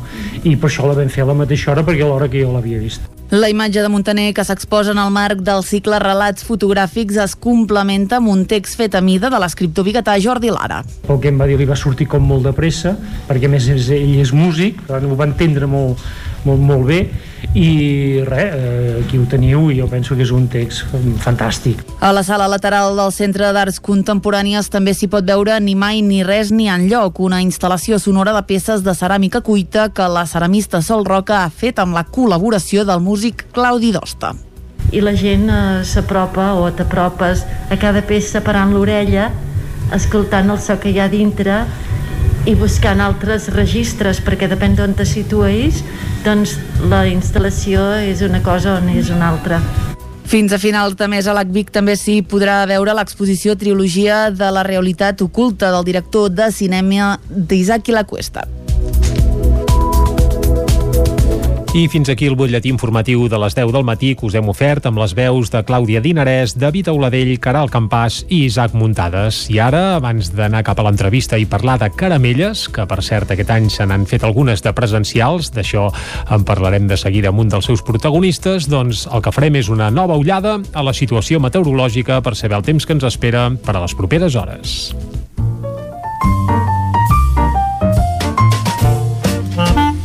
Casa Terradellos us ofereix el temps. I qui ens porta el temps, com sempre, aquí a Territori 17, és en Pep Acosta, qui ja saludem de nou. Bon dia, Pep. Hola, molt bon dia. I molt bona hora. Què ens espera avui Anem per pel avui, que sí. fa uh, al temps? Quin temps tindrem avui? Va, aviam. Aviam. Uh, bastant tranquil, uh -huh. però ens afecta aquesta entrada de vent de nord, una entrada de vent àrtic, que ha provocat nevades a gran part d'Europa, tempestes de neu a moltes zones d'Europa, uh -huh. doncs eh, que ja ens afectarà.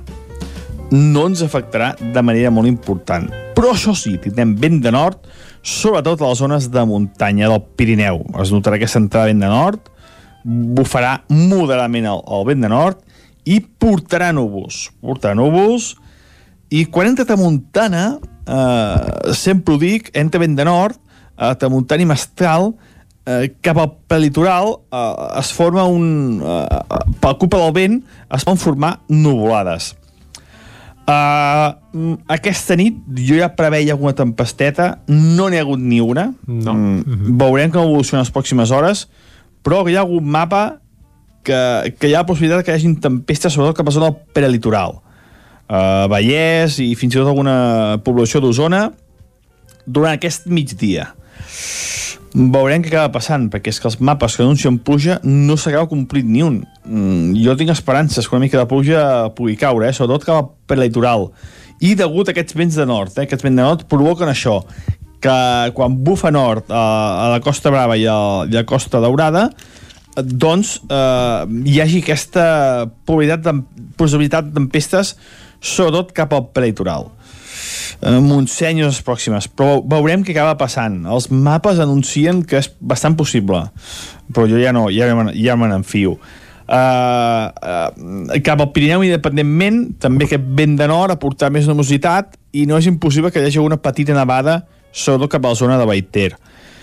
Uh, però, també poca cosa eh? Mm, tant les tempestes del peritoral com les nevades del Pirineu aportaran molts pocs litres, molt poca neu i per tant continuarà aquest dèficit de puja i aquest, aquest dèficit de neu eh? no, no, no va aclarar aquests dos, dos fenòmens i les temperatures màximes seran molt semblants a les d'ahir. Moltes gràcies i molt bona setmana. Adeu. Vinga, igualment, Pep, moltes gràcies. El cap de setmana passat eh, no vas acabar d'estar afinat perquè hem tingut un, un cap de setmana de Pasqua molt de sol, però esperem que a partir d'ara la cosa recuperi i tant de bo també s'acostin algunes precipitacions que ja fa falta. Fa temps que tenim sequera i els camins estan molt secs, amb molta pols. Una remulladeta ens faria molt, molt de bé. I a més ja ho diuen, som a l'abril i a l'abril gotes mil.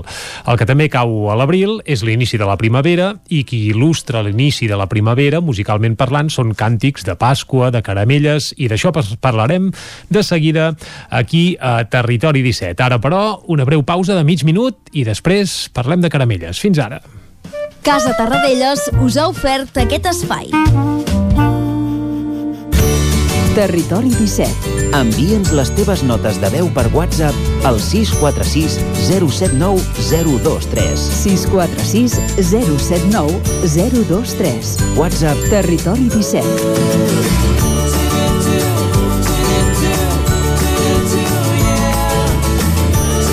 Territori 17.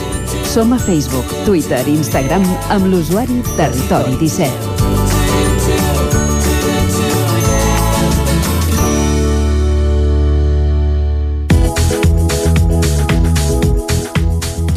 Un quart d'onze del matí, seguim en directe a Territori 17 i com bé comentàvem, aquest cap de setmana, a part de ser el cap de setmana de la Mona, doncs també a molts indrets, a moltes poblacions, és el cap de setmana de les caramelles.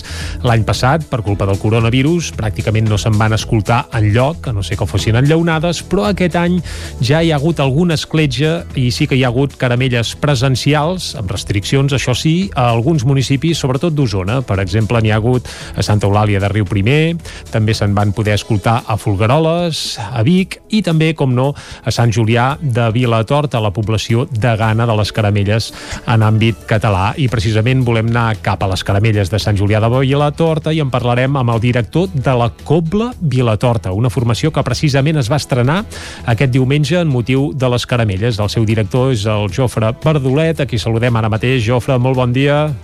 Bon dia, com estem? Molt bé. Uh, va anar bé o què, l'estrena de la Va Cobla anar- Vilatorta? Va anar molt bé, estem molt contents, va ser un gran èxit Uh -huh. i, ostres, uh, és que tenim moltes ganes de, de poder tornar a sentir caramelles de Sant Julià de la Torta i, per tant, vaja, tothom entusiasmat i els músics molt contents. I. Uh, anem a pams. Aviam, com us plantegeu i quan uh, això, crear la Cobla Vilatorta. Habitualment a Sant Julià qui canta caramelles és la confraria del Roser des de fa segles, uh, de la qual, bé, evidentment tu també en formes part, però quan és que veieu que no serà possible les caramelles convencionals i que busqueu una alternativa? Com va anar això a nivell de calendari?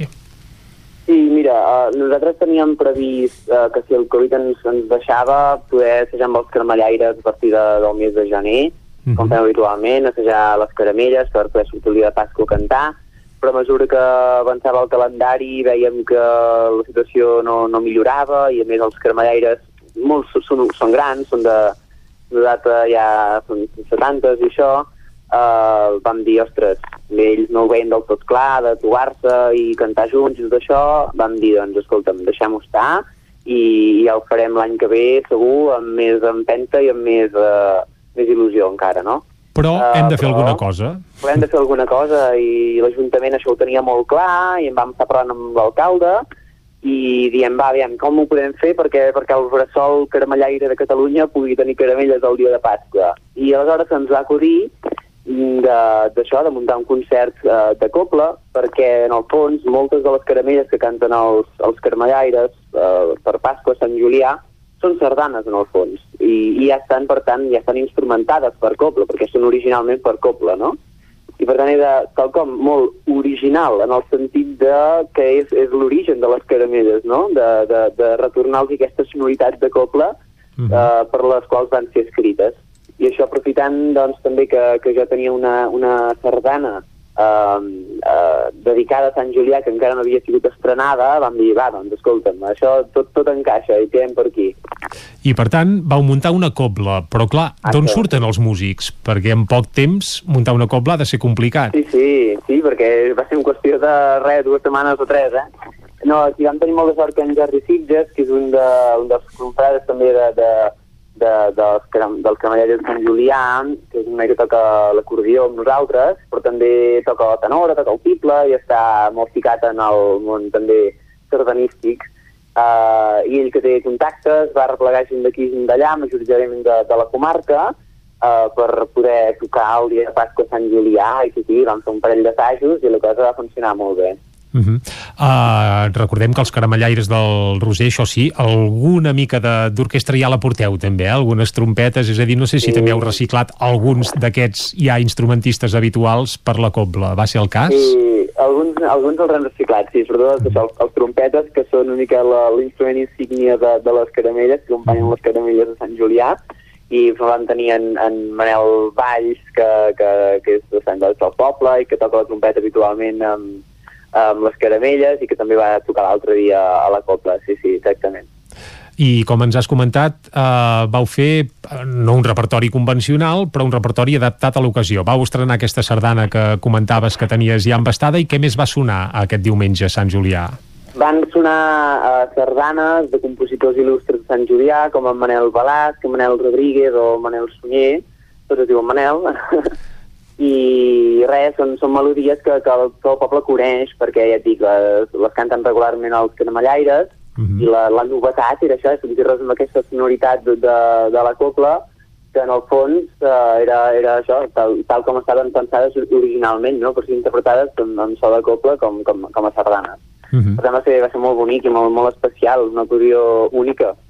Doncs a Sant Julià es va mantenir la flama caramellaire amb aquesta cobla Vilatorta, que no sé si tindrà continuïtat o no, aquesta cobla, o serà un invent efímer que, Mira, que no apareixerà no més. No sé, perquè ho comentàvem l'altre dia també a la roda de premsa, que realment eh, aquesta època del Covid no, fa que, fa que s'hagin de buscar alternatives Uh, perquè no es poden fer les coses de sempre i llavors resulta que les alternatives que surten ostres, són tan fantàstiques i, i que entusiasmen a tothom no?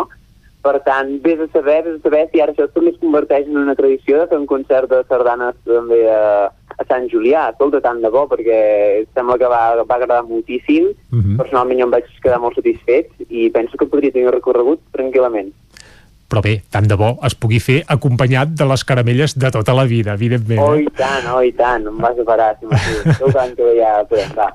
El que dèiem, a Sant Julià es va mantenir la flama caramellaire i també es va mantenir a Vic, on hi va haver una cantada a les 12 del migdia a la plaça Major, on tu, Jofre, indirectament també hi tenies protagonisme, perquè resulta sí. que s'hi va estrenar una caramella escrita especialment per a l'ocasió, que la va cantar, doncs, bàsicament gent de la Coral Xicalla del barri de Santana de Vic, acompanyada pels eixerits de GURB i per tothom que s'hi va voler afegir, perquè es va ser una cantada també poc, poc convencional, diguem-ne, però en aquest cas sí que també es va mantenir això, la flama caramellaire, i el primer que volem saber és quan neix o quan és que t'encarreguen aquesta caramella, perquè m'imagino que també va ser tot molt ràpid, oi? O com va anar?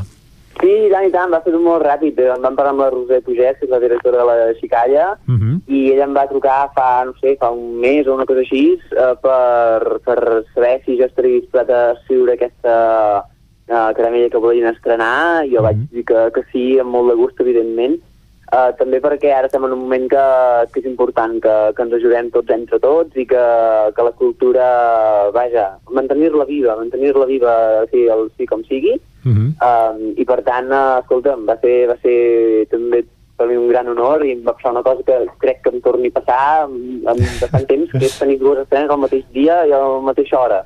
Uh, I no hi vaig poder ser a Vic i em va saber molt greu. I, per cert, com te la vas plantejar, aquesta caramella? És a dir, t'arriba un encàrrec d'una caramella, una cosa molt poc habitual, sí. perquè pràcticament és, és inaudit. Uh, com t'hi poses a escriure una peça d'aquestes característiques? Tu que estàs acostumat sí. a escriure peces més, entre cometes, eh, de tall clàssic, no pas de tall més sí. popular, diguem-ne. Eh? Mm, això va ser, o sigui, jo li vaig preguntar a la Roser ells exactament què, què, què buscaven, no? què, què volien, no? Uh Mhm. -huh. També per mi era molt important uh, saber el text, uh, si ja el tenien, qui el faria, tot això. El text el va acabar fent en Pere Puig, que és això, també és, és familiar meu, és el germà de la meva àvia, per tant aquí vam tenir una comunicació fàcil i Tot directa, queda a casa. no? Sí. Uh, fluida, diguem-ne. Uh -huh. Uh, i ell va fer la lletra, llavors me la va enviar i també llavors amb els comentaris que la Rosa havia fet de com s'imaginaven una mica que, que pogués ser aquesta caramella uh, doncs a partir d'aquí la vaig, la vaig escriure tan ràpid com vaig poder també perquè ells tenien poc temps per assajar-ho uh, però vaja, penso que el resultat és, és, és molt bo, vaig sentir algun vídeo que em van enviar i vaja, penso que van quedar contents i jo també. Bé, tant de bo aquesta caramella també es pugui sentir l'any vinent i sigui ja en el format habitual amb els cantaires cantant plegats, sense mascaretes i, i a l'engròs. Això, això seria una, una gran notícia, i tant que sí. I tant. Uh, per cert, més coses. És que, Jofre, uh, se t'ha girat molta feina aquests dies, eh? Perquè te, Ui, també sabem que aquest proper cap de setmana, bé, en el cas de Vic, habitualment, uh, la setmana abans de Pasqua, és a dir, pel Mercat del Ram, es feia l'habitual processó dels dolors, que també és una tradició uh, de desenes i desenes d'anys. Aquest any la processó dels dolors no s'ha pogut fer per les restriccions uh, derivades de la Covid, però aquest proper cap de setmana sí que es farà un concert precisament a l'Església dels Dolors, on tu també hi tens protagonisme, eh? Uh, què fareu aquest proper diumenge, crec, amb doble sessió a l'Església dels Dolors? Què s'hi farà? Doncs mira, farem un concert de música barroca. Uh -huh. uh, la idea era que, com que aquest any es compleixen 40 anys de la recuperació de, de la processó, precisament, dels dolors, uh, doncs la idea era fer un concert amb música barroca que uh, diguem-ne, lligués cronològicament amb les dates uh, quan, de, quan va néixer, la, no? quan es va construir l'església i tot plegat.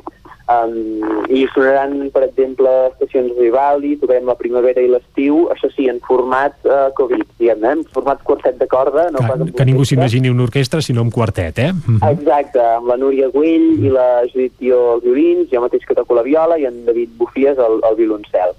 I això, tocarem a estacions de Vivaldi, i llavors hi haurà la Judit Muñoz, que és soprano, que ens oferirà també obres de, de Pergolesi, números de la Salat Mater de Pergolesi, uh, una àrea de, de Bach, del Magnificat, i una àrea de, de Don Giovanni, de Mozart. Això, recordem-ho, serà diumenge, amb doble passi, crec que a les 6 i a les 8 del vespre, oi? Ah, això mateix, sí, sí, això mateix. Uh -huh. Es poden reservar entrades a, amb un correu electrònic, que és uh, reservaentrades.elsdolors arroba gmail.com Perfecte, doncs tothom que hi estigui interessat que prengui nota i eh, Jofre, abans d'acabar, volem tornar tornem cap a la tradició caramellaire i et volem demanar uh, com arrenca la teva passió per les caramelles. Tu recordes la primera vegada que em vas cantar? Com va anar uh, aquest inici caramellaire?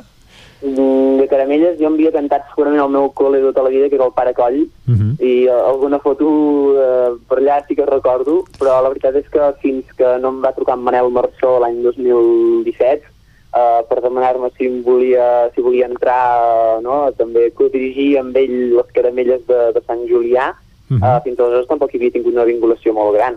Però a partir d'aleshores, home, escolta'm, cada diumenge de Pasqua cantant caramelles, i tant que sí. Doncs Jofre Verdolet, director de la Cobla Via la Torta, moltes gràcies per haver-nos acompanyat avui a Territori 17 i tant de bo l'any vinent les caramelles a Sant Julià, a Vic i arreu del Territori 17 i dels països catalans es puguin fer eh, tal com mana la tradició, que és a l'aire lliure i sense restriccions. Tant de bo sigui Va, així. Moltes gràcies, Jofre. Merci a vosaltres, que vagi molt bé. Vinga, salut i nosaltres, ara quan falten res, a 3 minutets per dos quarts, fem una breu pausa i tornem de seguida. Fins ara. El nou FM, la ràdio de casa, al 92.8. A Vic, T52, un taller d'emocions. Una celebració, un reconeixement, un record, la victòria, el premi. Tenim una solució personalitzada per a cada ocasió. Ens trobaràs al centre, al carrer 941 i també a l'Horta Vermella, al carrer Menéndez Pelayo 31. Més informació a t52.cat. Amb Pradell estalvio energia i cuido la meva butxaca i el medi ambient. Posa't en mans de Pradell. Són experts en calderes de gas i condensació, estufes de pèl·let, energia solar, terres radiants, geotèrmia i aerotèrmia. Pradell instal·la calderes de biomassa per a particulars i per a empreses. Si vols estalviar un 50% en consum, contacta amb Pradell i passa't a les energies renovables. Pradell som a l'Avinguda Països Catalans 27 de Vic. Telèfon 93 885 11 97. Pradell.cat. Hi ha sensacions que són úniques. Aquell bany relaxant, mirar per la finestra quan plou i com les calderes Bailand, que li ofereixen fins a 15 anys de cobertura total amb el servei tècnic oficial Bailand. Informis a Oficiat Nord trucant al 93 886 0040. Amb el servei tècnic oficial de Bailand, la seva caldera estarà en les millors mans.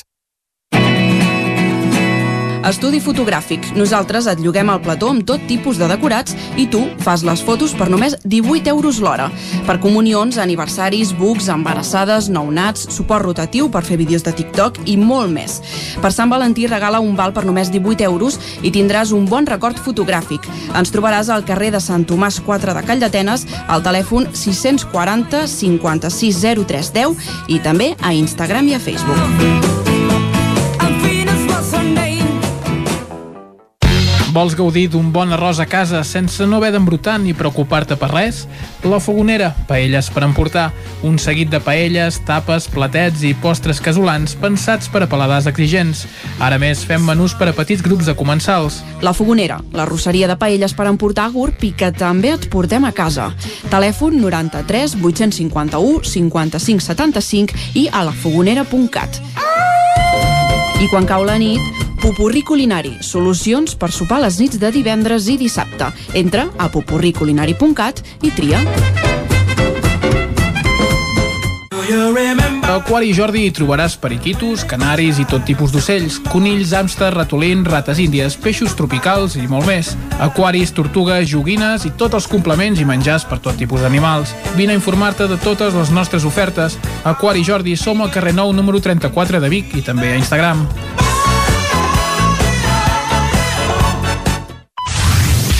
El nou FM, el nou FM, el nou FM, el nou FM. Dos quarts d'onze del matí, seguim en directe aquí a Territori 17 i el que ens toca fer ara, quan som a l'equador ja del programa d'avui, és fer un repàs a les piulades. Cada dia el fem de la mà de l'Isaac Moreno, qui ja saludem. Bon dia, Isaac. I bona hora. Com anar el cap de setmana de Pasqua bé? Llarg. Vas fer gaire a la mona? No gaire. No gaire. Mico més aviat. Uh, I les piulades per on van? Per, micos, totes bandes, mones, per, totes, bandes. sí. Doncs va, fem-hi un cop d'ull. La prèvia del cap de setmana, Jordi Vilarrodà la feia. Diu, brigadistes tuitaires de Junts i Esquerra, descanseu una mica de la guerra, que és Setmana Santa, ja hi tornareu dimarts. Bueno, No, no li han fet gaire cas. No, s'ho fan sols, a més. uh, li responia en Marc Casas, diu, diria, diria que els vedets, els dobermans i les claques no pararan. No, vaticini que no va fallar. Atòmica, usuària Restapalo, és de Vic. Diu, ei, aquesta fina línia entre perfumar-se i intoxicar la gent del teu entorn. Que traïdora. Home, doncs sí. Bé, contra gustos. Hi ha, hi ha casos, uh -huh. sí. Xènia Santigosa diu, sempre que trepitjo platja d'Arba penso que era ben difícil construir una cosa tan lletja en un lloc tan bonic com la Costa Brava. No subestimeu mai els humans. Etiqueta-li tu. Bé, el que dèiem, contra gustos, no hi ha res escrit. Uh, bé, hi ha gent, sobretot a Osona, que és molt amant de platja Sí, d'Aro, eh? sí, sí, sobretot ho dic.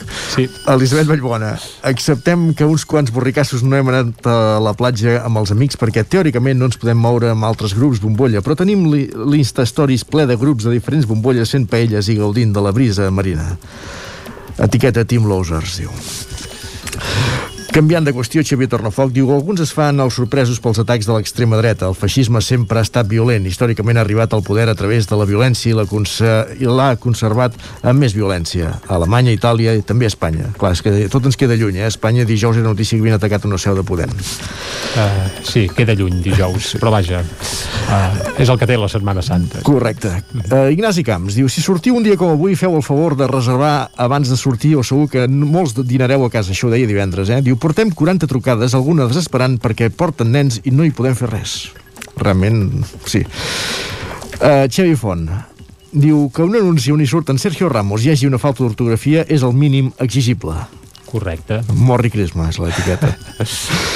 Uh, més qüestions, per exemple, en Ramon Besa, que aquest cap de setmana corria per terres lluçaneses, diu ara mateix faig cap a Olost, vaig a buscar els diaris i de camí ens hem trobat 15 persones i amb totes ens hem dit bon dia sense saber qui érem. En diuen educació. M'ha fet content, veus? Això és el que passa quan passeges pel Lluçanès. Sí, sí.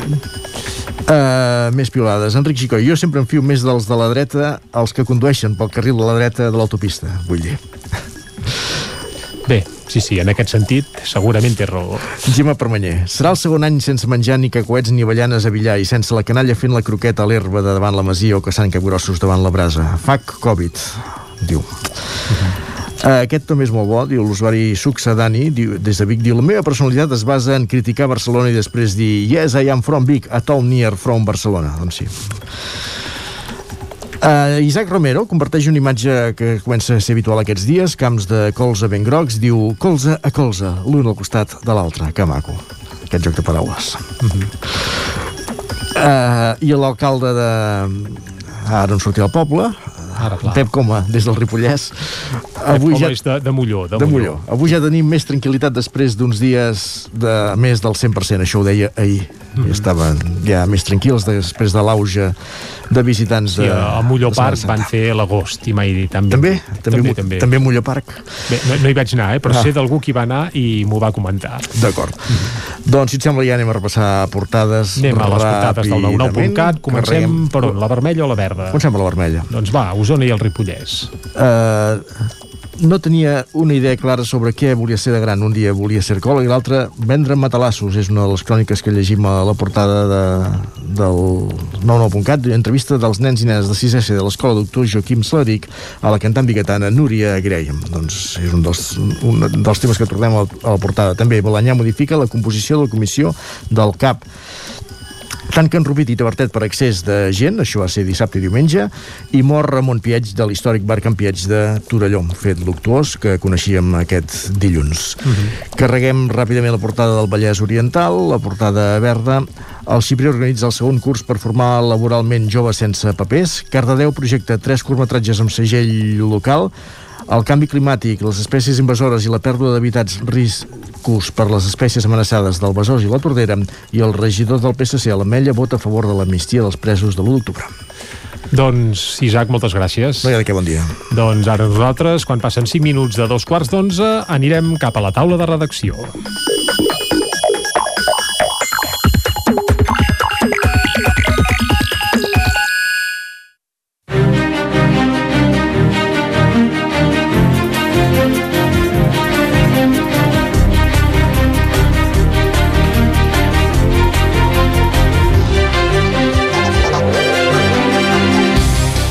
Una taula de redacció que avui farem amb Txell Vilamala.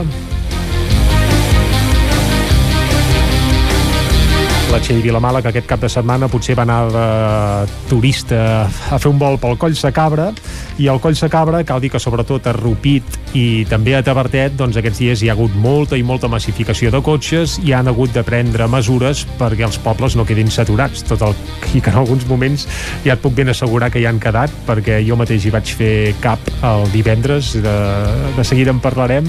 Txell, molt bon dia. Bon dia. Uh, han pres mesures, eh, les poblacions del Coll Cabra per evitar quedar saturats, sobretot de vehicles procedents de l'àrea metropolitana. Sí, exacte. Nosaltres avançàvem ja el 9-9 que va sortir dijous, que s'havia muntat un dispositiu especial, els tres ajuntaments es van posar d'acord per prendre mesures i tenien dos punts d'informació, un a les naus de Patel, abans d'arribar al nucli urbà de l'Esquirol, i un altre a l'accés en aquest municipi, a l'Esquirol. Allà hi havia eh, dos dispositius amb diversos informadors que donaven dades als vehicles sobre l'ocupació als restaurants de Rupit i Tavertet, sobretot, mm -hmm. També a Cantoni Gros, i sobre l'estat dels aparcaments.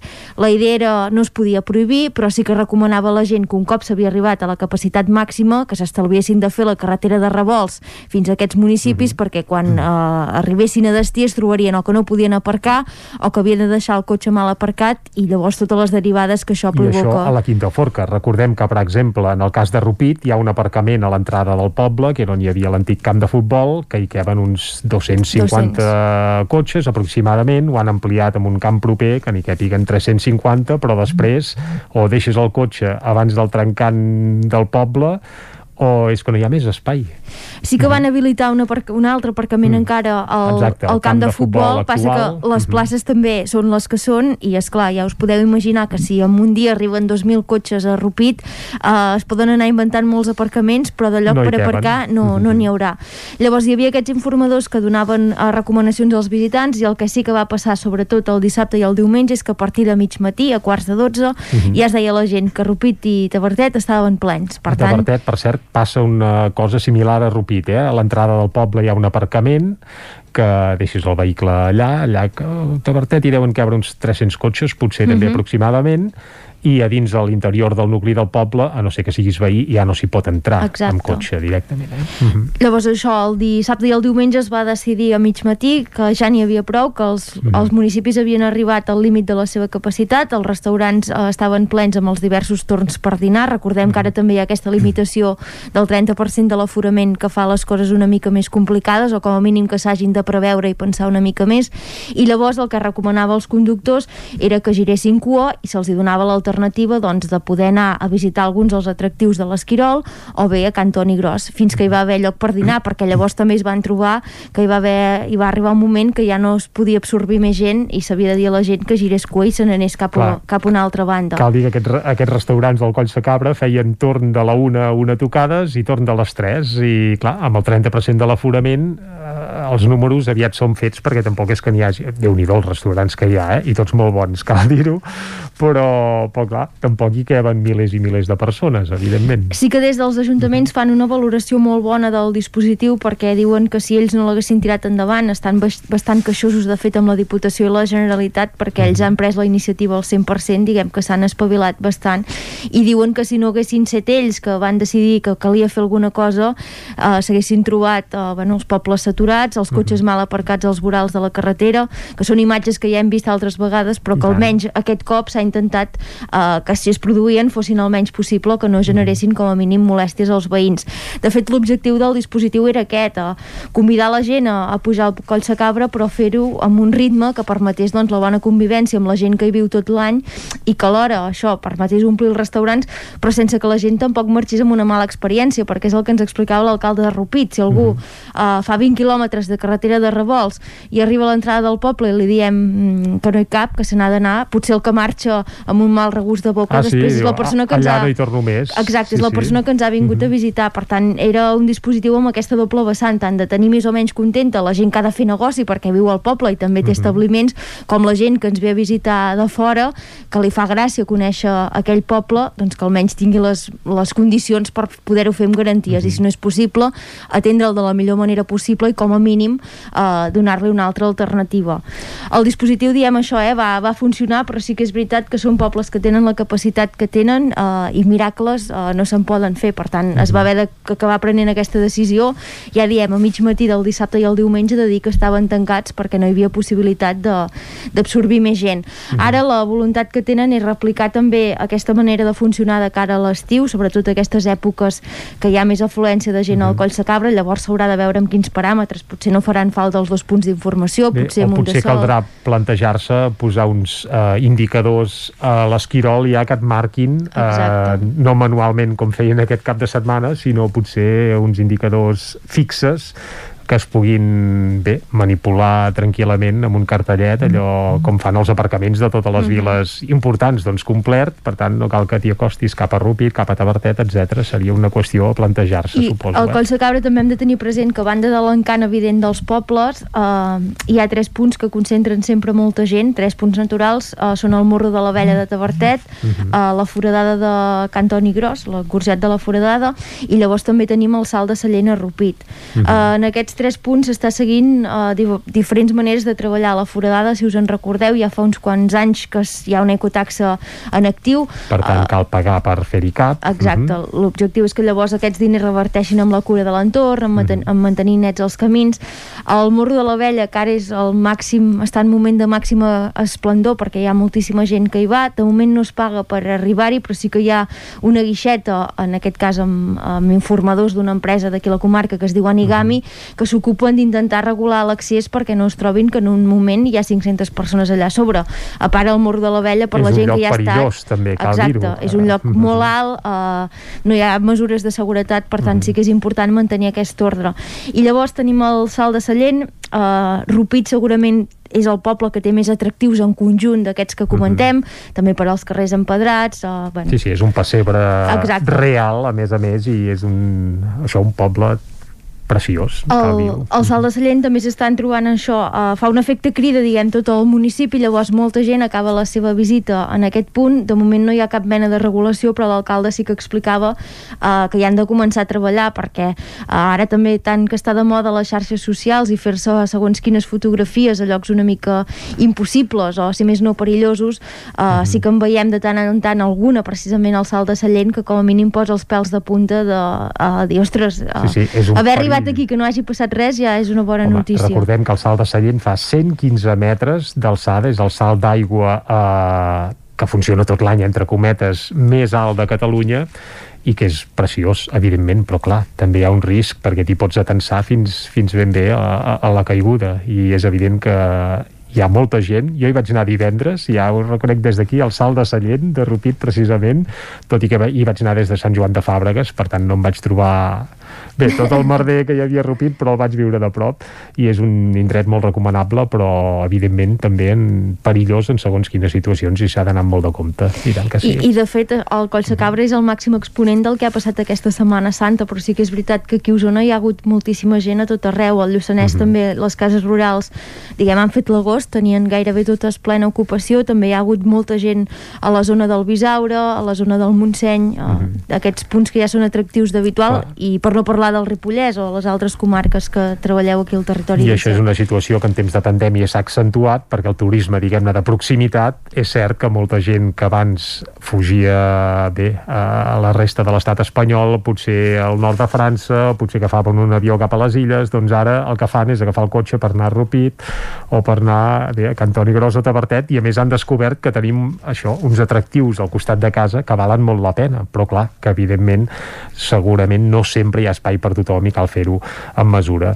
Doncs ell, moltes gràcies per haver-nos explicat què fan al Coll Sacabra per intentar que no se'ls en vagi tot plegat de mare. Moltes Gràcies Jordi, bon dia. Vinga, nosaltres tanquem aquí la taula de redacció, anirem de seguida cap al Busca't la Vida.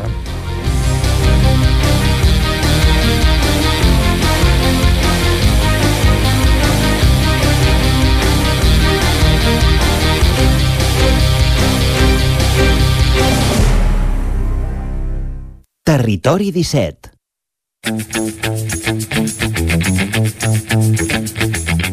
Busca't la vida amb Cela Falgueres.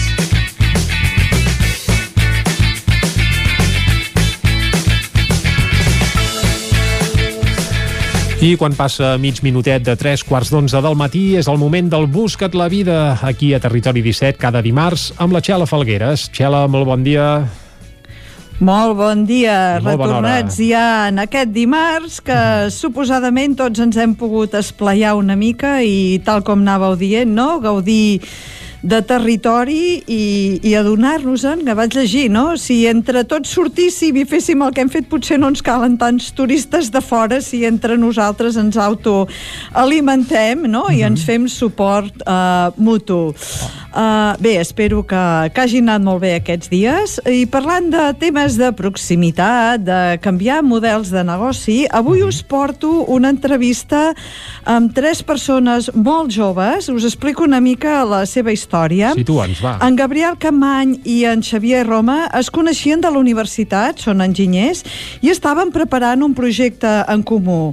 A l'inici de la pandèmia, ara fa un any més o menys, van contactar per xarxes socials amb l'Enfred Vilanova, que estava gestant per la seva banda una altra idea molt similar. Aquesta idea era nadius.cat. Tal com diuen ells, és l'app que t'apropa als petits productors de la zona perquè gaudeixis dels millors aliments de proximitat i de temporada. Si us sembla, anem a escoltar què ens expliquen en Xavier, en Gabriel i l'Alfred de nadius.cat. Doncs vinga, anem-hi. Expliqueu-nos així una ronda ràpida. Qui és cadascú? Presenteu-vos el nom i, i com, com us definiríeu. Doncs, um, bueno, som el, el Gabri, el Xavi i l'Alfred. Um, bueno, som una, una mescla d'enginyers, enginyers informàtics i enginyers mecànics. Um, bàsicament ens uneixen um, uns valors no, que són um, la passió pels productes um, de la terra no, i, i una miqueta per això estem aquí avui per explicar el projecte de, de Nadius. Gabriel, com et definiries tu? Uh, bueno, eh, a veure, jo, com ha comentat l'Alfred, eh, en, en meu cas soc enginyer informàtic, eh, igual que el Javier, per tant, eh, jo dintre del projecte de Nadius doncs, tinc una, una, una vessant molt més eh, en l'aspecte més tècnic de, de la plataforma, eh, però bueno, al final eh, som un equip de tres, per tant, que entre els tres ens anem repartint el que, el que anem podent, així que és una, una, una feina de, de, de, tots, no? I el tercer mosqueter és en Xavier. Xavier, com et definiries tu? Doncs sí, igual. Eh? bueno, ja, ja m'han ja definit una mica. Eh, també soc enginyer informàtic i això, eh, el, el projecte té molta té, té un repte tecnològic eh, i bueno, al final aquí estem eh, intentant eh, resoldre, resoldre el problema eh, què és Nadius? Qui, en què consisteix aquest projecte?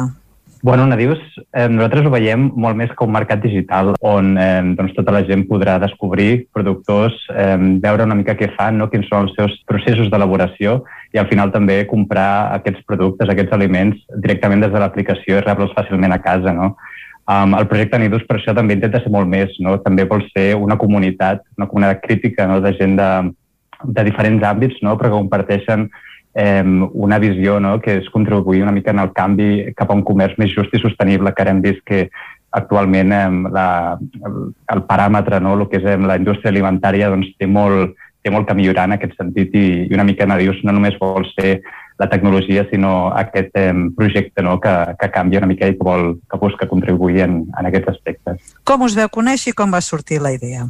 En el cas que jo i el Xavier ens coneixíem de la universitat i llavors eh, vam començar, això va ser més cap al, cap al període de confinament, vam començar a plantejar no, el, el, el fet aquest de que veiem aquesta mancança, en aquest, aquest problema que hi havia. I els dos doncs, eh, vam començar a plantejar un projecte en el qual poder intentar solucionar aquesta, aquesta, no, aquest, aquest, aquest fet, no? aquest intentar millorar aquesta, aquest canvi de, de model de consum. I llavors, mentre vam començar a desenvolupar aquest projecte, ens vam, ens vam trobar amb l'Alfred, eh, que també eh, ell estava també començant de manera paral·lela al, al, al, per la seva banda al, al mateix projecte, al mateix objectiu. Eh, I llavors eh, va ser al cap de, bueno, d'anar per separat, vam començar a parlar i llavors vam començar a definir, no? doncs, veure, vam pensar doncs, si unim forces doncs, podem tenir més oportunitats de, de fer aquest canvi eh, versus anar per separat. I llavors, eh, aquí ens vam, vam començar a conèixer i vam començar a portar el projecte Nadius eh, junts. O sigui, els Stay Home van arrencar la seva carrera musical durant la pandèmia, vosaltres heu arrencat Nadius, Xavier, és així? Exacte, així és.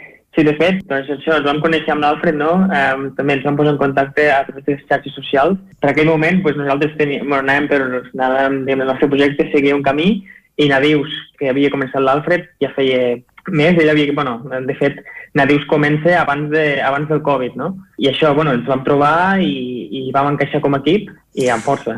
I el nom, per què Nadius? Doncs um, al final el procés del nom és, és el més complicat i el que al final mai acaba d'enganxar, de, no? Li, li vàrem donar diverses voltes, al final ens va agradar el nom de Nadius, perquè al final, tot i que ara a vegades la gent no, no ho coneix i ho confon amb Navius, que és um, un, un fruit, no?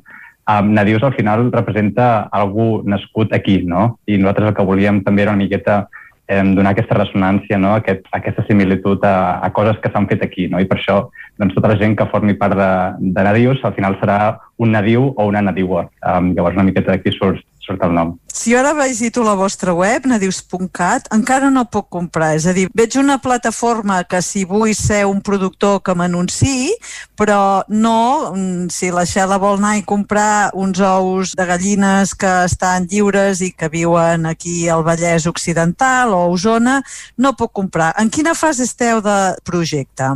Doncs treballant molt intensament des de fa ja forces mesos. Um, en aquesta direcció sí que, sí que no, estem, no hem arrencat, és a dir, no, no hi ha l'aplicació, és del format que parlàvem, no? la plataforma encara no, no, no s'ha llançat al mercat, però sí que ja estem en la fase final del projecte en el qual ja estem um, invitant, ja, ja estem creant la fase eh, o la comunitat inicial de productors. Estem ara creant tots els perfils dels productors que formaran part d'aquesta fase pilot, els pioners, i tenim tots els preparatius per fer uh, la prova pilot. La, la prova pilot ens donarà eh, una idea no, de, de com hem elaborat tota aquesta tecnologia, aquest procés logístic, si funciona o si s'han de fer alguns retocs i, i si tot funciona bé o si fem aquests retocs, eh, la idea seria doncs, ja eh, obrir aquesta plataforma eh, cap a tota la gent i llançar l'aplicació cap, a, cap a tot Catalunya. Aplicació serà una aplicació serà una web? Quin, quin format tindrà? Perquè ara és una web, això. Hi ha un problema molt, molt, molt important, que és el problema logístic amb el, amb el tema de venda de proximitat, i llavors el que volem intentar és que aquesta, aquesta experiència d'usuari sigui la, la millor possible, intentant arribar en aquest objectiu. Per a banda de consumidors, el que hem pensat és que eh, crear una aplicació mòbil, en aquest cas una aplicació per tant per Android com iOS, seria eh, el lloc on nosaltres podríem aportar eh, una experiència d'usuari de usabilitat, la que nosaltres podríem cre creiem que seria la millor. I després, per la part de productors, com que sabem tot el tema de gestió eh, a vegades fa oficines i a vegades és més complicat fer-ho molt mòbil, eh, doncs sí que hem, hem plantejat una, un model amb, en, sigui, que sigui pàgina web en el qual el productor doncs, allà eh, gestiona productes, comandes, etc etc que això eh, que també hem acabat de desenvolupar ara eh, per, a, per a prova pilot teniu ja productors, proveïdors que estiguin amb ganes de, de provar-ho i, i, i estar en llançament o encara esteu tantejant clients en aquesta àrea? Des de que vam començar el, el projecte sempre hem estat en proper contacte no, amb, els, amb els productors, els hem estat visitant, també hem, hem descobert moltes coses i una mica adaptat el projecte en base al que ens comentaven ells. Llavors sí que és veritat que la, la fase pilot sempre a vegades fa una mica més de vèrtic i, i als productors a vegades els agrada més doncs, eh, veure que alguna funciona abans no s'hi fiquen, però també el perfil que ens hem trobat de productors són gent molt, molt valenta i que, i que busca precisament eh, donar suport a aquestes iniciatives. Així que realment ja estem tinguent eh, cabida, hem estat parlant amb diferents productors i, i realment ja estem, ja estem creant els seus perfils i no tenim dubte que, que no ens faltaran productors per la fase pilot i estic segur que més endavant també seguirem doncs, afegint-ne més a mesura que el projecte avança. Quan fareu el llançament del pilot aquest? Ara mateix estem en el repte no? que ens estem integrant en una empresa logística per intentar que tot sigui molt fluid. Jo crec que les proves venen en, en els propers mesos eh, abans de l'estiu. Quin és el, ha sigut el vostre repte més gran en aquest projecte? Un que diguis, un, el més gran, eh, no, no, no el sé exactament, no? però sí que hi ha hagut petits reptes. El tema de logística és algo doncs, que tu depens d'un tercer, que avances al ritme doncs, d'aquesta integració, d'aquest procés, i al final tot el que sigui una integració, sobretot més per la part tècnica, no? doncs, doncs té tota aquesta complexitat que, que porta al desenvolupament. També el fet d'haver desenvolupat una plataforma des de zero, eh, la integració tant en el sistema de pagament, etc etc, doncs tot aquest desenvolupament doncs, és, és la part més complicada. Em coincideixo bastant amb, amb el Gabriel, no? la mateixa línia, o sigui, és un projecte um, molt complex no? I, i, i ambiciós. Involucra moltes parts, no? perquè diguem hi ha la part social, parlar amb productors, trobar un espai de, un espai de consumidors conscienciats, després hi ha tot el repte no? de la logística, és producte fresc, hi ha empreses que s'hi dediquen però no està encara, no és el nostre dia a dia comprar online, per tant aquí hi ha un repte i després diguem-ne sí que a la vegada no estem entrant en un sector que és madur, és un sector on hi ha grans empreses, hi ha molta feina a fer, ho estem fent des de zero i són moltes peces a connectar amb un equip petit i també contra rellotge, no? Bueno, al final som els tres del dia a dia, no? Jo crec que els, els problemes els compartim o, o els reptes els compartim. Nadius és un, és un projecte petit però amb, amb un objectiu molt, molt ambiciós, no? que és una miqueta crear aquest, aquesta alternativa de comerç més eh, just i sostenible i clar, tot això doncs, passa doncs, per, um, per agafar una logística que encara no existeix avui en dia, per crear un sistema tecnològic que és complex com a tal, no? amb una plataforma bidireccional on has de dirigir-te doncs, als productors però també als consumidors. Um, són, són temes que, que són nous i també molta feina, uh, però bueno, al final um, als emprenedors no, ja els agraden els reptes i per tant eh, no ens avorrim, al contrari. Doncs res, Alfred, Gabriel, Xavier, moltíssimes gràcies per tot aquest temps. Espero que Nadius tingui un pla pilot a, a punt a, ben aviat a, durant l'estiu, que el projecte vagi endavant, que hi hagi una comunitat ben gran que creixi al darrere i si us sembla, tornem a parlar d'aquí un any a veure què ha passat. Perfecte. Moltes doncs vinga, moltes gràcies. Moltes gràcies. L'app de la setmana es diu My Heritage i la vaig descobrir perquè buscava aplicacions que permetessin animar fotografies. Quan vas a les plataformes d'aplicacions, a Google Play o App Store, sempre surten eh, fes del millor fotos, vídeos i això. I vaig trobar eh, una part, que ara us en parlaré, però l'app la, en general eh, és aquesta My Heritage, que segons diu la plataforma et permet descobrir la història de la teva família expandint el teu arbre genealògic genealògic, trobant nous familiars i explorant registres històrics. Tot comença amb cometes, amb una senzilla prova d'ADN, que ara val 59 euros, però deuen estar d'oferta perquè Carai. veig que hi ha un preu tatxat, que era 79, sí. Aquí comença on, on ja comencen a ti, ti, ti, ti, coses que dius ui, ui, ui, no? Que eh, no només diu que et permet fer un arbre genealògic complet, sinó que també et permet fer descobriments familiars. La meva pregunta és, segurament alguns d'aquests descobriments familiars deuen portar més disgustos que alegries, no? fas una prova d'ADN i a veure què passa. Mm -hmm. uh, Anem, anem a la funció que us deia inicial. La funció d'hipnostàlgia et permet animar eh, fotografies antigues. Fa una mena mm, d'animació que, que doncs, pots veure la, els avis com si tinguessin, esbossessin un petit somriure. La veritat és que no us puc dir exactament com funciona. Eh, perquè eh, a mi em fa molta reticència ja. Et demana que et registris sí o sí. Està disponible quants dies de prova gratuïta, però clar, t'has de registrar, eh? encara que no envies la prova d'ADN. I encara que et comencis a registrar i posar allà noms de parents, allà tenen una base de dades bastant potent, segur comencen a creuar dades, no sé, no sé. A mi, a mi no me fa massa bona espina, no sé com ho veus tu, Jordi, això. Uh, no ho acabo de veure clar, jo. però bé. No, eh? No, uh, no, no. Escolta. els usuaris puntuen molt bé aquesta aplicació, eh? un 4,8 de 5. Per tant, uh, segur que la gent que està disposada a fer-ho servir per els objectius que tinguin, eh, la valoren molt bé, per tant, segur que funciona bé, però a mi tot plegat, haver-te registrar, encara que sigui, comença a provar una mica amb el teu arbre genealògic i començar a posar dades, no sé, a mi em fa una mica de respecte i això que no sóc excessivament escrupulosa, eh? Uh, si us sembla, anem a les notícies de la setmana? Va, anem a les notícies de la setmana. Vinga. Barcelona i Madrid estan entre els top 10 de les millors ciutats per emprendre una nova empresa a Europa. D'acord amb la plataforma EU Startups, les ciutats més prolífiques en el món startup europeu estan liderades per aquestes cinc i en aquest ordre. Londres, Berlín, París, Amsterdam i Barcelona, que tancaria el rànquing d'aquestes cinc. -huh. uh, Barcelona compta amb un ecosistema consolidat en constant evolució que es beneficia del Mobile World Congress i també de Barcelona Global, una xarxa d'empresaris per atraure talent. Si us pregunteu a quin número està a Madrid, doncs està en el número 7.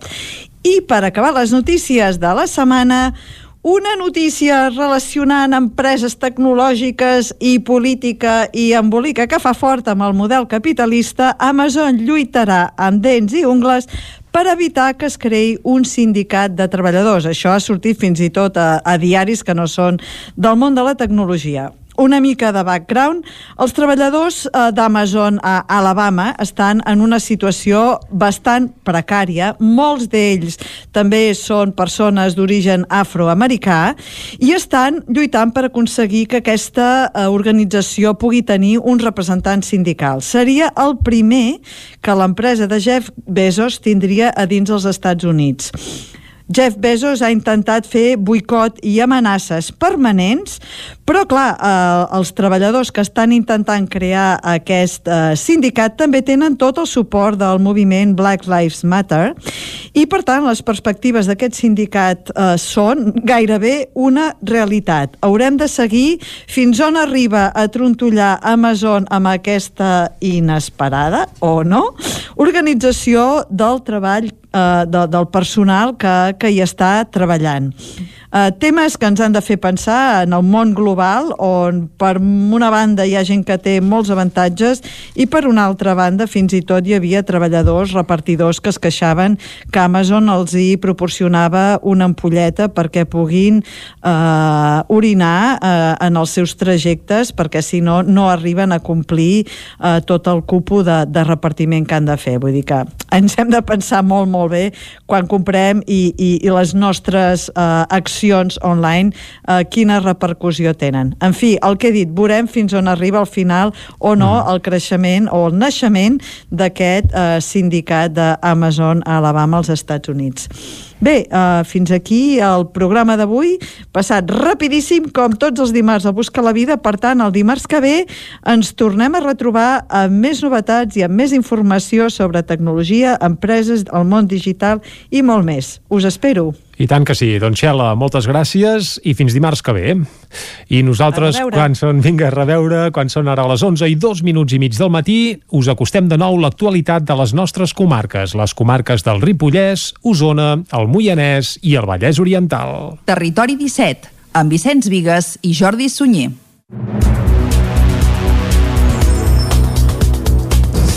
I comencem anant al Ripollès, perquè Planoles vol tenir una escola bressol de cara al curs 2021-2022. Isaac Muntades, des de la veu de Sant Joan. L'Ajuntament de Planoles està batallant per aconseguir que el municipi tingui una escola bressol de cara al curs 2021-2022 per nens de 0 a 3 anys. El passat setembre, dues famílies que ja porten els seus fills a l'escola Núria Morell Piser com Ternau de la Vila i que han tingut criatures recentment, van demanar-li a l'alcalde, David Verge, si es podia fer. Actualment el centre educatiu ja compta amb 23 alumnes d'entre 4 i 12 anys. El consistori va informar la Generalitat de Catalunya de la seva intenció al Consell Escolar del Ripollès, que va donar-hi el vistiplau i va aprovar-ho per ple. A més, va venir un tècnic per mirar l'espai i només caldria adequar una sala perquè els nens poguessin dormir, ja que l'escola Bressol ha d'estar ubicada al mateix edifici que el centre educatiu de primària, unes millores que costarien entre 2.000 i 3.000 euros com a molt. L'escull principal per l'escola Bressol va sorgir quan ja havien fet els tràmits. La Generalitat va dir, bueno, escolta, que sapigueu que ens heu de pagar 10.000 euros aquest trimestre, o sigui, de setembre a desembre del 2021,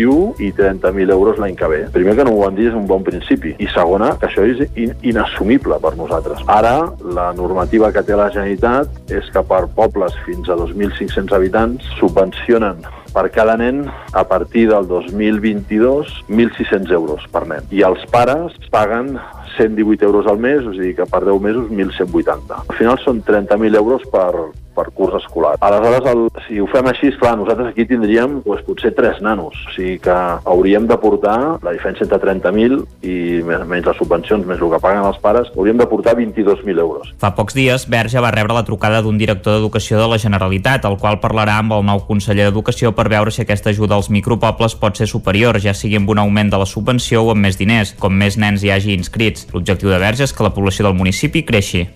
Osona ha perdut el 23% de les terres de Conreu els últims 60 anys. És la comarca que proporcionalment menys n'ha perdut de la demarcació de Barcelona. Entre Casanova, la Solana i les Planeses, en terme municipal de Montesquieu, les vaques llamosines d'Esteve Anglada fa una vintena d'anys que hi pasturen. És el fruit d'un acord que ramaders de la zona i de la Diputació de Barcelona titular del Parc de Castell de Montesquieu van impulsar fa anys i que han anat renovant. Que el bestiar pasturi per les 500 hectàrees del parc és clau per reduir el risc d'incendi, un escenari que els ramaders temen davant la pèrdua de sol agrícola registrada a Osona els últims 60 anys. Entre 1956 i 2018 a la comarca s'han perdut 8.488 hectàrees de conreu, explica Esteve Anglada. I la millor manera que hi ha de netejar els boscos i de tenir-los en condicions, a part també d'una d'una gestió forestal també és el tema de, de la pastura. Clar, pensem que bàsicament, per una banda, eh, tenim que el bestiar pastu, eh, aprofita aquesta pastura, però per l'altra, eh, i més important encara, és per tot el tema dels incendis que bàsicament quan un bosc no es pastura a base d'anys es va embrutant la, la, tota la malesa va, va, va creixent diguem i llavors en, en moments determinats doncs, eh, és quan perilla més de que hi hagi aquests grans incendis que llavors ho destruïm tot. L'altre gran benefici de la pastura al Parc del Castell és que permet preservar la biodiversitat del territori. Sense el bestiar podria perdre's una part important de flora i fauna del Bisaure. Joan Carles Àngel és el director del Parc del Castell de Montesquieu perquè si nosaltres no féssim res i ara aquí traguéssim les vaques i fora, ja s'acaben les vaques al Parc de Montesquieu, d'aquí unes quantes dècades, no gaires, tot això seria un bosc, seria un bosc jove, però es taparia tot. I algú dirà, bueno, doncs que passa que sigui tot un bosc, no? El bosc arribaria a cobrir pràcticament les cases. Hi ha moltes espècies de fauna i de flora que viuen associades a espais oberts. A les Planeses, la finca que gestiona Anglada s'hi ha dedicat un tros de terra per plantar llavors antigues, una iniciativa de la Universitat de Vic, Universitat Central de Catalunya, que s'enmarca en un estudi sobre el canvi climàtic. Llinars del Vallès aprova adherir-se al conveni de coordinació, de coordinació volem dir, entre els municipis de l'entorn per a la prestació conjunta del servei de taxi. Ho va aprovar en l'últim ple municipal. David Auladell, de Ràdio i Televisió, Cardedeu. Aquest conveni inclou poblacions del Vallès Oriental i Occidental. A banda de les 5 llicències de taxistes del municipi, l'adhesió a aquest conveni ajuda a ampliar el servei d'aquestes llicències per a poder operar en 16 municipis de les Rodalies. L'aprovació d'aquesta inclusió al servei, que inclou també l'aprovació de tarifes compartides, va ser aprovat per unanimitat dels 12 regidors presents. Al mateix ple, l'Ajuntament, amb l'acord de tots els grups municipals, van decidir que la moció contra el tancament de l'empresa Bosch a Lliçà es convertís en una declaració institucional del consistori per mostrar el rebuig al tancament. El ple, però, no va aprovar la moció del Mall perquè es declari Llinars lliure de parcs solars fotovoltaics en un sol no urbanitzable després de rebre la proposta de la Generalitat. Només hi va votar a favor el Mall, tot i que la resta de partits no estiguin d'acord en la col·locació de parcs, consideren que cal una regulació d'òrgans superiors que regulés aquesta casuística i no ha de ser l'Ajuntament. La denominació d'origen Pla de Bages i Càritas han començat un projecte conjunt de rehabilitació d'estructures de pedra seca amb un marcat accent social. Caral Campàs, des d'Ona Codinenca. Les barraques de vinya són un element característic del Moianès i el Bages. Ara la denominació d'origen Pla de Bages, juntament amb Càritas, han començat un projecte que permet rehabilitar 19 zones amb estructures de pedra seca durant tot el 2021. Pau Collado, qui encapçala el projecte, explica com s'han format el grup de treballadors.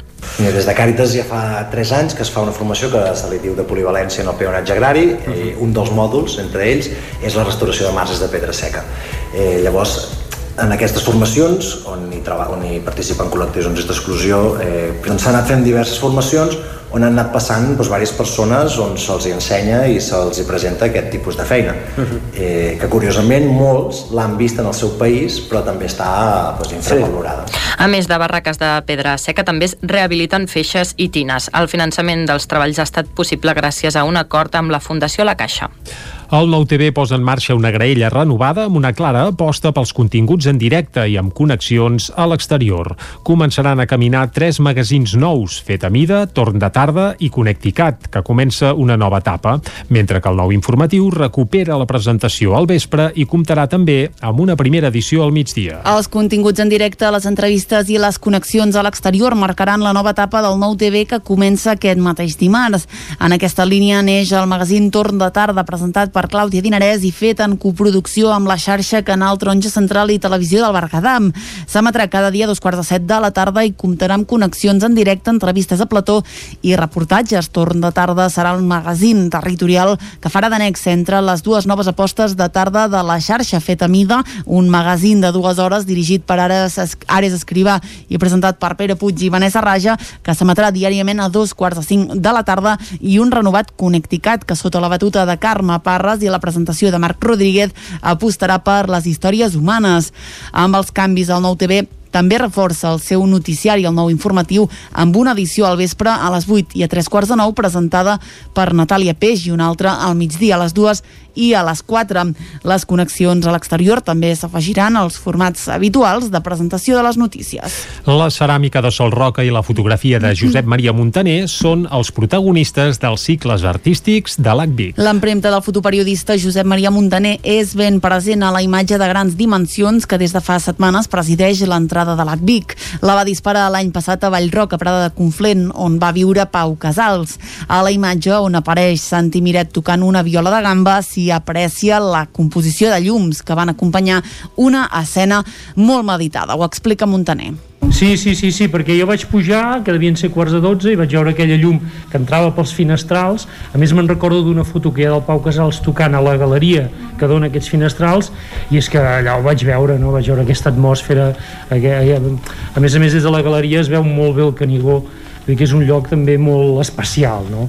i per això la vam fer a la mateixa hora perquè a l'hora que jo l'havia vist la imatge de Montaner que s'exposa en el marc del cicle Relats fotogràfics es complementa amb un text fet a mida de l'escriptor biguetà Jordi Lara. El que em va dir li va sortir com molt de pressa, perquè més és, ell és músic, ho va entendre molt, molt, molt bé, i res, eh, aquí ho teniu i jo penso que és un text fantàstic. A la sala lateral del Centre d'Arts Contemporànies també s'hi pot veure Ni mai ni res ni en lloc, una instal·lació sonora de peces de ceràmica cuita que la ceramista Sol Roca ha fet amb la col·laboració del músic Claudi Dosta.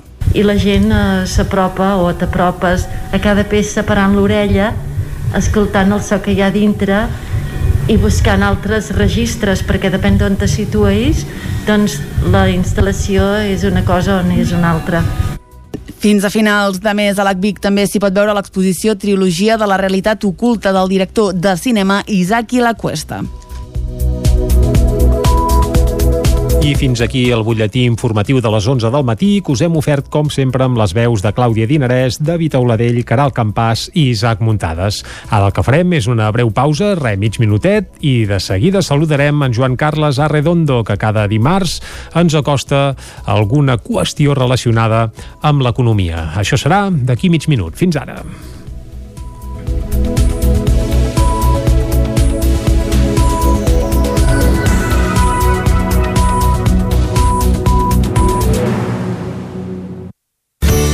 Territori 17. Envia'ns les teves notes de veu per WhatsApp al 646 079 023. 646 079 023. WhatsApp Territori 17.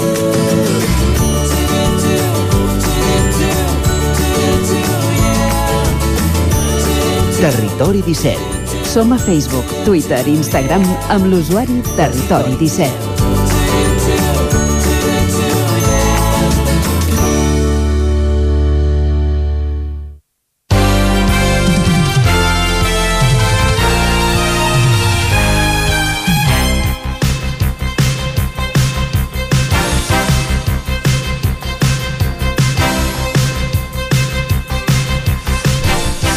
Un minut i mig i serà un quart de 12 del matí. Seguim aquí en directe a Territori 17 i de seguida parlarem d'economia amb en Joan Carles Arredondo. Però fins a arribar al punt de les 12 encara ens queda molta més feina. Després, a dos quarts, anirem al Descobrint Catalunya, on us cantarem les, eh, els atractius d'alguna de les poblacions del Territori 17. Després encara hem de passar per la R3 a la Trenc d'Alba i avui acabarem el programa fent tertúlia esportiva parlant de la jornada de Lliga de Primera Divisió que es va tancar ahir amb aquesta victòria del Barça davant del Valladolid, una victòria que fa que el Barça ara mateix depengui d'ell mateix, doncs això, si vol aconseguir el títol de Lliga. Ara, però, el que ens toca és parlar d'economia i és per això que saludem el Joan Carles Arredondo. Joan Carles, molt bon dia. Bon dia.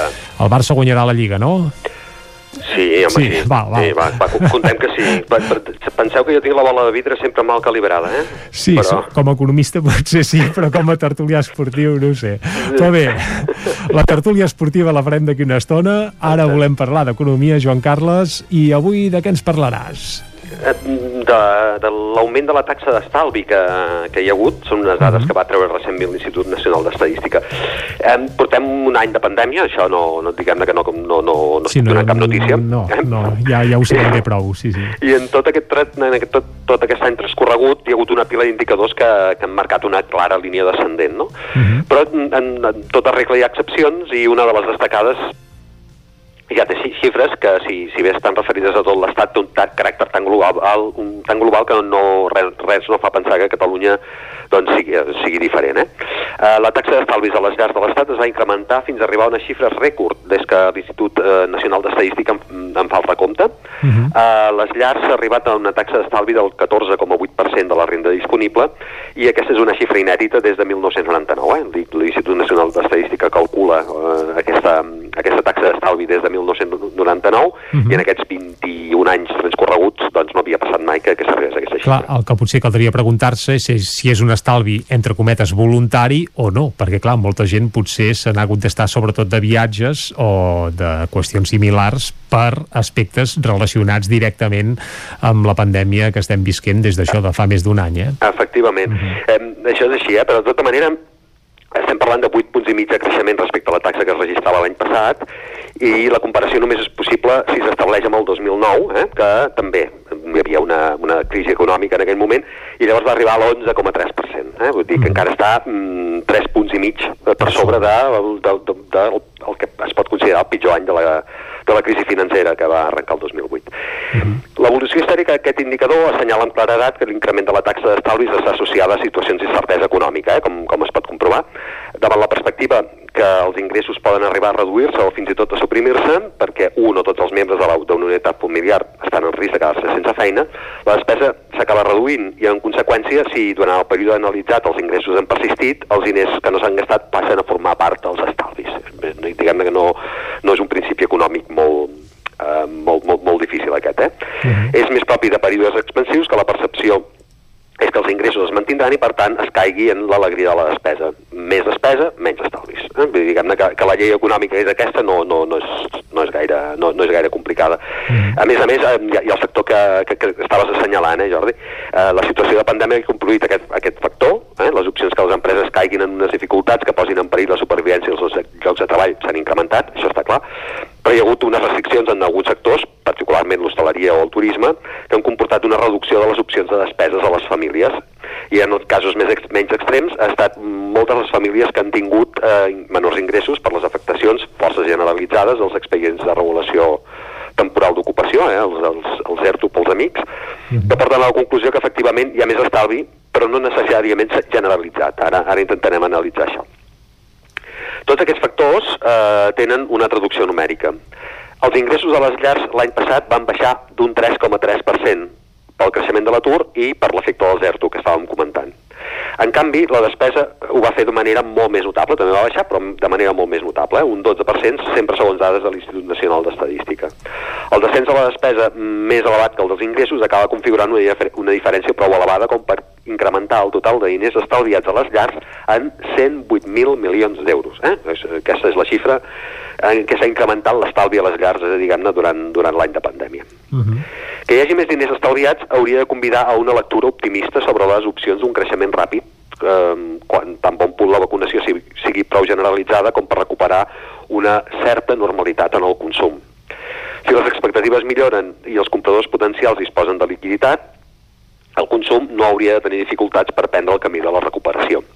Eh, la primera, mm, que aquesta, aquesta llei, diguem-ne, no, no deixa de tenir una certa lògica, però de tota manera sí que és veritat que hi ha despes, despeses que han quedat pendents i que no tenen per què recuperar-se. Els sopars que s'han deixat de fer durant el confinament o el tancament nocturn de bars o restaurants ja no, ja no s'hauran fet perquè en bona mesura, encara que hi hagi una alegria consumista, no és fàcil pensar que els ciutadans surtin, eh, diguem-ne, a sopar per compensar tots els dies que no han sopat durant, durant aquests mesos. Eh? Per tant, eh, diguem-ne que part d'aquests diners eh, difícilment eh, els, els sectors de consum eh, l'acabaran recuperant, no? Aventurar cap a on anirà aquest estalvi és a hores d'ara, eh, òbviament, una incertesa. Mm, pot haver-hi gent que consideri que ha estalviat prou diners com per invertir en borsa, per exemple, no? I això, diguem-ne, que no serien diners que anirien al consum i, per tant, no necessàriament anirien directament a la, a la recuperació, no? L'esquerda de les anàlisis optim- optimistes també hi ha una altra esquerda que és la desigualtat en la capacitat d'estalviar. No tothom ha pogut estalviar ni ho ha pogut fer en les mateixes quantitats. Uh, per tant, el que podria aventurar una recuperació en B baixa, eh, que eh, no, no s'ha gastat durant, durant bastant de temps i ara recuperarà perquè diguem-ne tot, eh, tot tornarà a ser com era abans, doncs aquesta en B baixa mm, és, es pot aventurar que, que no, A curt termini no es veu. No, no, no es veu i que potser conduiria més en aquella forma de K, eh, que n'hem parlat aquí algunes vegades, eh, una forma de K vol dir que hi ha una recuperació molt alta per un cantó però, però l'altre queda, queda cap avall, no? Eh, i, I això el que fa és aventurar que hi haurà una certa desigualtat en la recuperació. Que això mai és una novetat, perquè ja va passar també en la darrera crisi, en el sotrac de, com deies abans, del 2008-2009, que ara, vaja, passa sempre, eh, que la recuperació, segons qui en surt més airós i més ràpid, i segons qui, doncs, costa més. I normalment els més desafavorits són els pitjor no? que s'enduen la pitjor part, sí. No? Perquè estem parlant de molta gent que, que ha caigut en ERTO, però tot i que les dades de l'atur que han sortit avui eh, estan més positives que el que es podia augurar, eh, a l'Estat diuen que ha sigut el millor mes de maig, eh, del millor mes de març des de, des de fa una pila d'anys, a Catalunya també ha baixat l'atur, eh, però de tota manera hi ha hagut en- encara si, si mires les, la diferència d'aturats de, de, respecte de fa un any encara és mm, unes xifres bastant, in, bastant inassumibles eh? Tornem al tema dels estalvis. Eh? Una de les característiques d'aquest nou estalvi a l'estat espanyol, mm, i no és una situació nova, és que s'està derivant principalment cap als dipòsits, eh? amb rendibilitats baixes, especialment en el context de tipus d'interès zero. Eh? En altres països que tradicionalment han tingut taxes d'estalvis més elevades que l'estat espanyol, una situació, per cert, eh, s'ha capgirat aquests mesos de pandèmia perquè els espanyols ja estalvien ara més que els francesos o els italians, per citar alguns exemples. Ah, sí? Això és...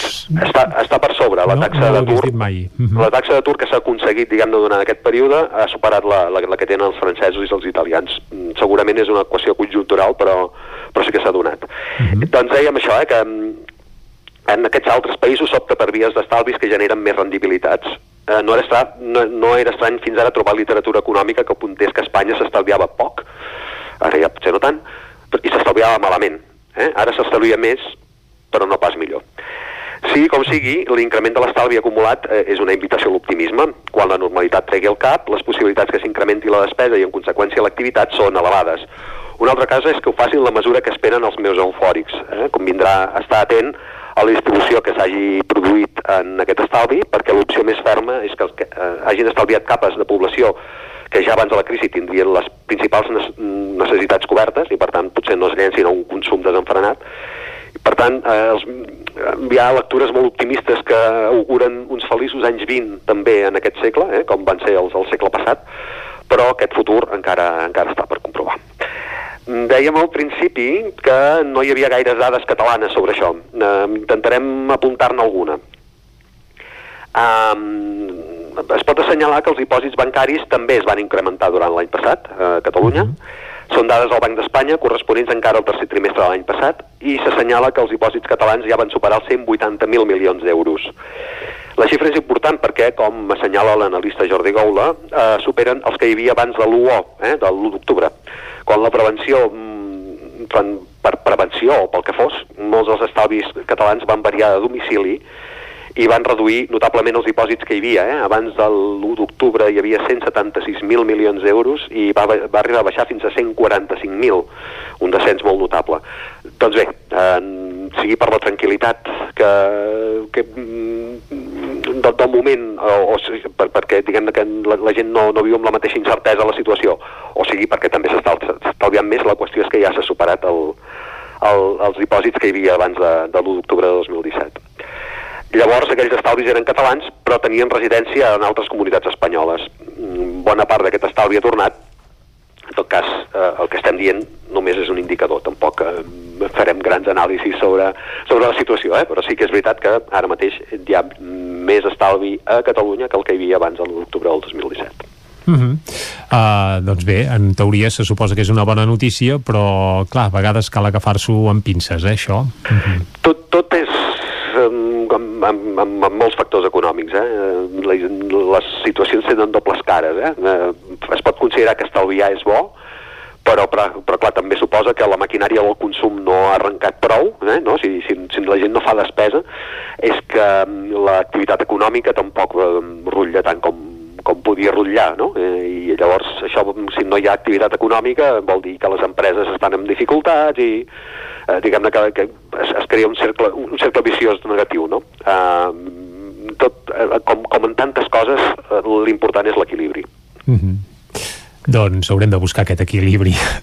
Uh, Joan Carles, moltes gràcies per intentar acostar-nos uh, en aquest equilibri, si més no econòmicament parlant, i escolta, que puguis estalviar molt, però també que puguis gastar molt, eh? Exacte. I tant de bo sigui sense restriccions derivades de la pandèmia, que evidentment algun efecte també deu haver tingut en tot plegat, perquè és evident que, que aquestes dades estan marcades per una situació global que no ens afecta només, evidentment, a nosaltres, sinó a pràcticament tot el món, però és evident que tot plegat ho condiciona d'una forma extraordinària. És evident que els que volien gastar tampoc tenien, tenien moltes opcions, eh? fins i tot hi ha hagut no?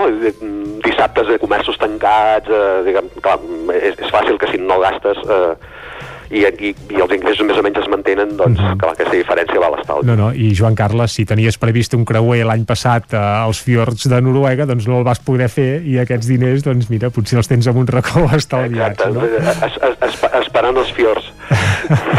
Joan Carles, moltes gràcies. Gràcies a vosaltres. T'esperem la setmana vinent aquí a Territori 17.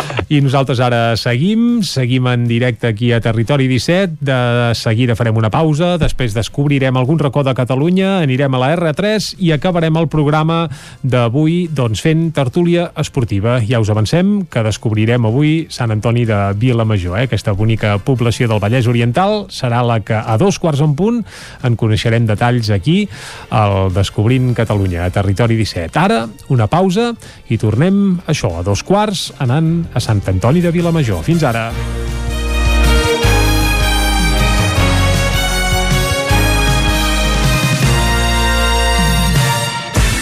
El nou FM, la ràdio de casa, al 92.8. Aquari Jordi hi trobaràs periquitos, canaris i tot tipus d'ocells, conills, hàmster, ratolins, rates índies, peixos tropicals i molt més. Aquaris, tortugues, joguines i tots els complements i menjars per tot tipus d'animals. Vine a informar-te de totes les nostres ofertes. Aquari Jordi som al carrer 9, número 34 de Vic i també a Instagram. Vols gaudir d'un bon arròs a casa sense no haver d'embrutar ni preocupar-te per res? La Fogonera, paelles per emportar. Un seguit de paelles, tapes, platets i postres casolans pensats per a paladars exigents. Ara més fem menús per a petits grups de comensals. La Fogonera, la rosseria de paelles per emportar a GURB i que també et portem a casa. Telèfon 93 851 55 75 i a lafogonera.cat. I quan cau la nit, Pupurri Culinari, solucions per sopar les nits de divendres i dissabte. Entra a pupurriculinari.cat i tria. Pintures Xevi Soler. Tot en pintures. Façanes, obra nova, rehabilitacions interiors de vivenda, estucs, microciments, pintura industrial, motllures, terres vinílics... Pintures Xevi Soler.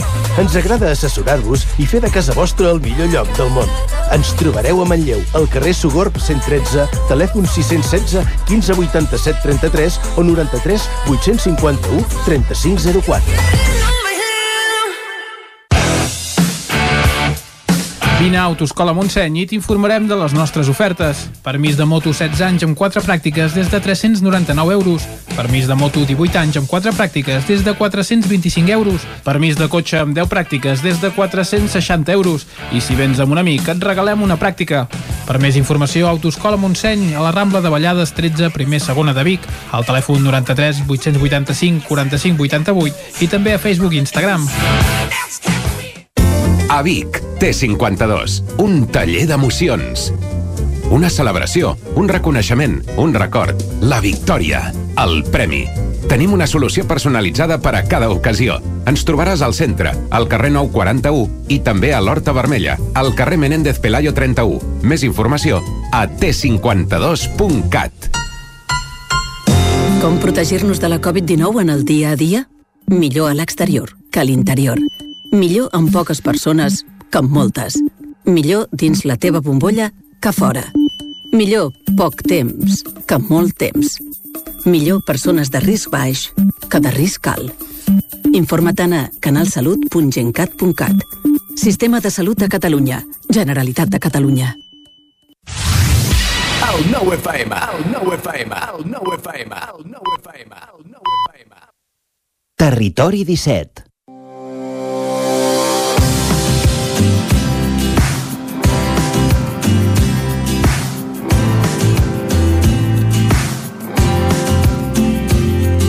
La setmana passada parlàvem de Sant Pere i avui coneixem Sant Antoni de Vilamajor, una altra població del Vallès Oriental.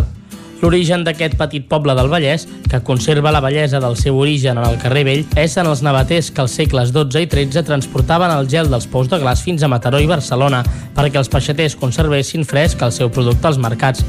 Viatjaven tota la nit per lliurar el gel en les millors condicions. De la seva tasca en van sorgir camins i rutes per fer a peu i de la devoció, ermites i esglésies on recuperar forces. L'espai Francesc Verdera és el nom que rep l'antic safreig públic, avui dia rehabilitat com a monument. Rep el nom d'aquest il·lustre vilamajorí per l'admiració que aquest li tenia a aquest espai, que no va arribar a veure mai restaurat. Un dels indrets més emblemàtics que també té Vilamajor és el carrer Vell, carrer llarg i estret de Llombardes que conserva totes les cases antigues tradicionals de la vila i al voltant s'hi conforma tot el nucli peatonal. L'ermita de Sant Llaïr es troba emplaçada a una altitud de 280 metres. En el seu origen es trobava dins els límits de la parròquia de Sant Pere de Vilamajor. Des de Sant Antoni de Vilamajor s'agafa el carrer de l'Era del Delma, al costat de l'aparcament del pati de Camp per Punter a l'Ajuntament. El carrer s'enfila convertit en camí de terra fins a trobar-se l'ermita. L'ermita forma un sol cos amb la casa de l'ermità. A la partició s'aixeca una típica espadanya. Les dues construccions són del segle XVI. En la visita pastoral del 1508 es fa clara referència d'aquesta església. El visitador diu que va estar emprada però no acabada. És un edifici d'una sola nau de planta gairebé quadrada amb teulada a dues vessants que té annex a la casa del Paborda, edificada pels vols del 1425. La volta és rebaixada. Exteriorment han estat necessaris set contraforts per aguantar l'enventa de la volta. La façana com la d'una casa de pagès amb teulada a dos pendents i portal rectangular cobert amb una gran llinda. En l'escut hi ha representats en un costat un arbrat gencat i en l'altre un arbre agafat per una mà. Sant Julià del Fou està situada en una vessant planer i visible des de molts llocs de la rodalia, actualment al centre de la urbanització que s'hi va erigir al seu voltant i que porta el seu nom. Té el cementiri a la banda de migdia i la rectoria al nord. La primera notícia del Fou amb el nom d'Alfonsi es troba en un pergamí de l'any 941. El campanar, actualment amb una sola campana, és de planta rectangular, acabada amb grossos merlets i està rematat amb punxa de piràmide. A cadascuna de les cares estretes s'hi van obrint al segle XIV les finestres de mig punt per les campanes grans. En una de les cares amples hi ha les dues finestres amb les campanes petites del segle XVII. Territori 17 i de això, del Vallès Oriental ens n'anem ara, com fem cada dia, d'excursió cap a l'R3 per conèixer les aventures que ens hi explica cada dia l'Isaac Muntades a la Trenc d'Alba. Anem-hi. A Trenc d'Alba, edició pandèmia. Ara sense els usuaris que ens explicaven les seves desgràcies a l'R3, però amb els mateixos retards i problemes de sempre. Benvinguts a Tren d'Alba. Doncs avui us porto una bona notícia que ja havíem comentat fa uns dies. Els passos d'andant a les estacions de Mollet, Sant Fost, Molins de Rell i Sant Feliu de Llobregat tornen a estar oberts i ja s'han establert les limitacions de velocitat al pas per aquestes estacions. A les imatges que pengen a les xarxes socials hi ha una mica de polèmica entre els usuaris, ja que no estan escrites en català. De fet, els quatre missatges que hi ha reflectits en aquest cartell estan escrits en castellà i en anglès. Però vaja, jo us els tradueixo perquè no sigui dit que no fem informació de servei. El cartell hi posa pas habilitat per creuar les vies, extremi la seva atenció, miri als costats abans de creuar, i l'altre diu perill i un text més petit que és il·legible. En fi, no els hi costaria res posar-ho en català, encara que la immensa majoria de la població ho entengui, però almenys és una picada d'ullet al territori on operes. Petits detalls que cal corregir. Va, ens retrobem demà amb més històries del tren i de la R3.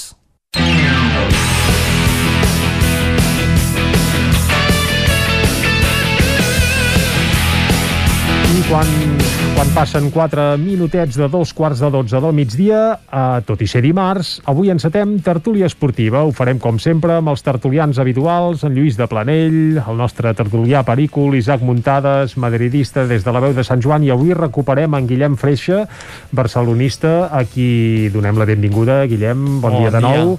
I en Guillem el tenim aquí perquè ja ha acabat les seves... Bé, acabat no, perquè això no s'acaba mai, eh? però diguem que les obligacions paternals Sí. uh, més uh, rellevants de moment les, les tens Ja ho tenim, controlades i superades eh? Ja hem donat unes directrius concretes i ara ja pot anar una mica més sol i eh, endavant. No, no, s'ha gaudit i ha coincidit també amb una reacció futbolística Correcte. del, del Barça. Vull per dir- tant en Gil, que és el Ja Portugal és del Barça eh? Ja l'has fet Perico? No, no, no, Perico no. Perico, com, normalment, com que jugueu aquestes hores a vegades també rares, no, dorm, llavors, aquelles, quan juga a l'Espanyol, dorm. Home, mica- eh, ahir a les 9 del vespre devia Sí, no, dormir és també, tronera, és tronera. Li agrada acabar tard i... i... Per tant, va poder veure el darrer gol del Sí. Barça que va arribar en el darrer instant i comencem, si us sembla, la tertúlia per això, pel partit que va fer ahir el Barça Uh, L'important ahir era sumar els 3 punts perquè d'aquesta manera el Barça s'assegura que ara depèn d'ell mateix per guanyar la Lliga, una cosa que ens l'expliquen fa un parell de mesos i que potser uh, no, no ens hauríem cregut, eh? però no ara mateix, perquè no vol. ara mateix, Lluís, el Barça depèn d'ell mateix per... Uh, I l'Atlètic de Madrid també i el Madrid també. Sí, bé, evidentment, sí. però ara estem parlant de, del Barça, cadascú ah. que es compri cap on vulgui. Eh? Jo us ho deixo anar, fa un parell de mesos us plantegen aquesta situació i molts eh, no ens ho hauríem cregut, eh? No, jo crec que si aquí a, a Territori 17 ens treuen alguns àudios no, de fa un parell o tres de, de mesos, doncs segurament eh, això semblava impensable, no? El Barça, un Barça eh, desquiciat eh, pel que fa a joc, també pel que fa, diguem, a, a les matemàtiques, perquè hi havia molta distància amb el primer classificat, i jo crec que una, una conjunció de diverses coses, eh? El Barça ara eh, no excel·leix, perquè sí que és veritat que no excel·leix, però sí que ha aconseguit anar tirant endavant els partits de la Lliga Espanyola, eh, anar-los tirant endavant, i d'altra banda, a l'Atlètic de Madrid que li ha agafat vèrtic, li ha agafat eh, molt de vèrtic, eh, les ensopegades s'han anat eh, repetint i en aquesta Lliga Espanyola jo m'atreviria a dir uh, mediocre, que no és la de fa uh, un, uns anys, doncs el Barça, l'Atlético i el Real Madrid uh mhm. -huh. sí que han posat uh, més o menys la, la directa i en aquesta lluita dels tres primers l'Atlètic de Madrid és el que estan sopegant més. Els altres han posat la velocitat de creuer de totes maneres, el Madrid va, va fallar uns quants partits. Sí, sí, el Barça va fallar uns molt. quants partits i l'Atlètic de Madrid no havia fallat fins fa un, un mes i mig. I ha començat a fallar. I, però, Potser el desgast el, el, el, el, i l'acumulació de partits doncs, eh, li toca a l'Atlètic. I ara és aquesta cursa de fons eh, en el tram final de, de Lliga que veurem qui en surt més, més, més beneficiat en el sentit de qui està en millor forma, qui té més fortalesa mental, fins i tot sempre es diu no, que els que venen de darrere doncs eh, potser no tenen res a perdre perquè el Barça a Nadal pràcticament dèiem que la temporada estava mm, perduda a la Copa del Rei per allà que encara anaven fent la, la viu-viu llavors també amb, amb remuntada inclòs amb el, amb el, amb el Sevilla, Sevilla. Uh -huh. Mm, i ara ens trobem en aquesta situació per tant, en aquest tram final de Lliga sí que el Barça potser arriba amb una moral molt elevada i el Madrid que jo crec que es troba còmode també en, aquestes, en aquests escenaris, eh? de, de que ningú compti massa amb ell i en l'últim moment clavar la, la patacada final i emportar-se títols. Ho hem vist Bé, molts en, cops a Europa. En l'últim moment, però recordem que dissabte arriba el Madrid-Barça no, no. i pot ser un partit molt i molt clau i deixem saludar l'Isaac Muntades, que encara no l'hem escoltat, que no sé si està ansiós per dissabte o no. Isaac, molt bon dia. Molt bon dia. Uh, tu dissabte bé. anem, anem ja de dret al gra, eh? Com ho veus, això? Tu creus que el Madrid uh, té opcions? Sí, i tant, sí? home, per suposat. A més a més juguem a, com, com a locals, que no, tampoc públic, importa massa, clar, però bé, almenys ens coneixem mateix... millor. Sí. Sí, no, no, el camp el coneix millor el Madrid que el Barça, això és evident, i més a Valdebebas, que segurament el Barça sí, sí. no, no hi ha anat mai. Sí, uh -huh. Exacte, i entrenem sempre, per tant, bé, això és un factor favorable. És una setmana que és que és complicada perquè hi ha dos partits molt importants perquè el Madrid doncs avui juga contra el Liverpool a, a la Champions no? Uh, no, no, sé, no sé el rival del Barça a la Champions qui era, no me'n recordo però en tot cas suposo que anirà més descansat i, i clar, doncs eh, el partit fa que aquesta setmana gran de, del Madrid amb els, amb els dos partits de Champions i el del Barça que, que el Barça també és cert que té la final de la Copa de, del Rei però, mm. però encara li queden uns dies doncs mm, bé, no gaires, és, eh, és no el tour exacte, no n'hi no queden gaires però és un turmalet eh, important i, i que el Madrid n'estic segur que se'n sortirà.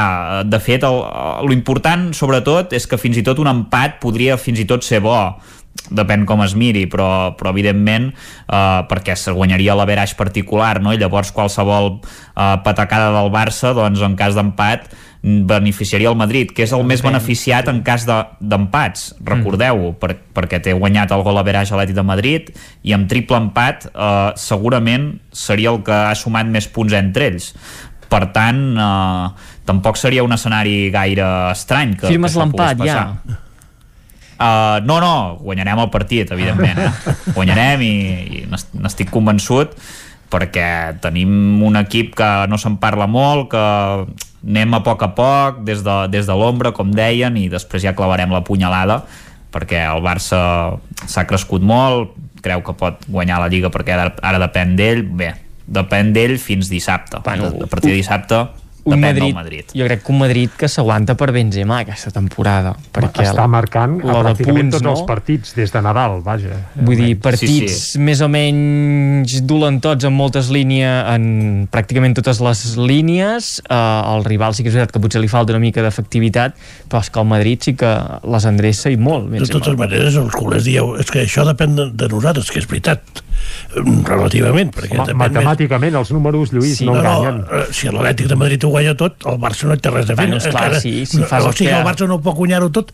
perquè hi ha un Atlètic de Madrid-Barça. Bueno, Sí, no, el clar, que vull no, dir, has de guanyar, has de guanyar, clar, clar, està a les teves mans. el que vull dir, el que vull dir és que tant el Barça té tant el Madrid com l'Atlètic. To- tothom depèn d'ell mateix, I, és cert. eh, i el Madrid, el Madrid només té el Barça.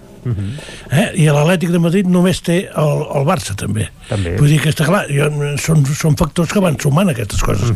que ja, ja, ja ho entenc que qualsevol eh, pot pensar que la Lliga només depèn de mi, però el, el que de moment ho té eh, en teoria més bé, que passa que està malament, que és l'Atlètic de Madrid, perquè... Bo, perquè va per davant, això també és cert, té, un punt, més que el Barça. I ara, si tothom ho guanyés tot, que és impossible, perquè el Barça ha de jugar contra el Madrid i contra l'Atlètic, però si tothom ho guanyés tot, la classificació quedaria com està ara. Sí, no, bueno, jo, és una mica com el, amb el tennis, no? quan trenques el, el servei, que vull dir que és, que és un punt important. Jo crec que aquesta setmana estem en un d'aquests punts importants i el, el, el Barça, si guanyen el Madrid, doncs el Madrid segurament quedarà ja una mica despenjat d'aquesta lluita per la Lliga, tot i que amb els alts i baixos que estem veient aquest curs no serà definitiu, però sí que quedarà bastant a, a recer o bastant despenjat. Si és al contrari, si és el Barça qui ens ho pega, doncs eh, també aquest eh, sufler que ha anat pujant des de també l'arribada de la porta a la presidència, eh, de, de tot plegat, doncs també quedarà una mica més rebaixat. I al final jo crec que el futbol també és un estat d'ànim. Això volia comentar jo, eh? és Des que... que ha arribat la porta al Barça, l'estat d'ànim ha canviat. Sí, i jo crec que allà dintre també eh, la situació, ja no, no entraré en el detall de si Bartomeu ho feia bé o malament a nivell de gestió, que mm. s'està veient que hi havia moltes coses que potser no s'acabaven de fer. No, ja pots entrar-hi en detall. No, no, No, tot bé. es pot dir tranquil·lament, això és una tertúlia Però- i tothom expressa lliurement Sí. el que vol i pot, eh? No, no, que es feien malament les coses i que, a més a més, eh, segurament el, el fil de connexió entre la Junta i el vestidor no era el més adequat. Potser ha eh, entrat més cops la porta al vestidor en 15 dies Sí. que Bartomeu els darrers 3 anys. i saber-hi per entrar, perquè També, també, també s'ha de saber entrar uh, en un vestidor i saber uh, amb qui parles, amb qui toques, amb qui, uh, diguem, motives, amb qui fas un toc d'atenció, uh, de qui et guanyes la, la confiança. Mm, jo crec que la Porta manté encara una, una ascendència molt gran sobre jugadors que potser et podien crear petits incendis al, al vestidor, diguem uh, Piqué, diguem Messi, uh, fins i tot amb, amb Koeman també, no? Li, li genera... El problema de la porta serà quan hagi de començar a negociar salaris a la baixa. Sí, sí. Que, que, que això, mm, jo, Bueno, jo, ja ho entenc, eh? Dir però, que, però això ho ha de fer no només el Barça i no només la Porta, sinó que és Sí, una, sí, però- una espècie de... Bé, de, Però que és, és el que tothom. hi ha, és el que hi ha i s'hi ha de trobar tothom. Però que- Pràcticament que- que tots els passi equips tothom- a Europa que de passi a tothom no eh? vol dir que, que, que tu ho vegis, bueno, ho vegis ni bé. Sí. Vull dir, eh, que ho vegis inevitable, d'acord. Uh Mhm. -huh. Però, esclar, eh, llavors dir-li a un senyor eh, eh, tu, a lloc d'un milió, Sí, em sí. cobrarà 700 Clar, 700.000. però si Clar. també li expliques i si te'n vas allà passarà el mateix i allà també i aquest equip també ho està fent, doncs clar, arriba un moment que els jugadors també han de ser conscients de la realitat on viuen, que potser, potser el problema és que molts No, eh, no saben viuen. viuen a la Lluna i això és una altra història. Però que eh? potser en aquestes, clar, en aquestes feines poc agraïdes de, de la presidència, que és això, no? anar a, a motivar o a fer tocs d'atenció o a negociar coses que potser no són agradables de negociar, jo crec que la Porta sí que és una figura que ho sap fer. Una altra cosa potser no, però... Ho, el, el, un, eh, si el, el, en Haaland fitxa per algun equip, com li, li, li explicaràs als jugadors d'aquest equip sigui el que sigui, perquè poden ser molts, segons diuen ells. Com eh, t'explicaràs aquest senyor ve aquí a cobrar una, una fortuna i tu cobres un 30% menys del que et paguem fins ara. Com, com ho justifiques, això ho expliques perquè tu el veus vestit de blaugrana, Lluís, en Haaland?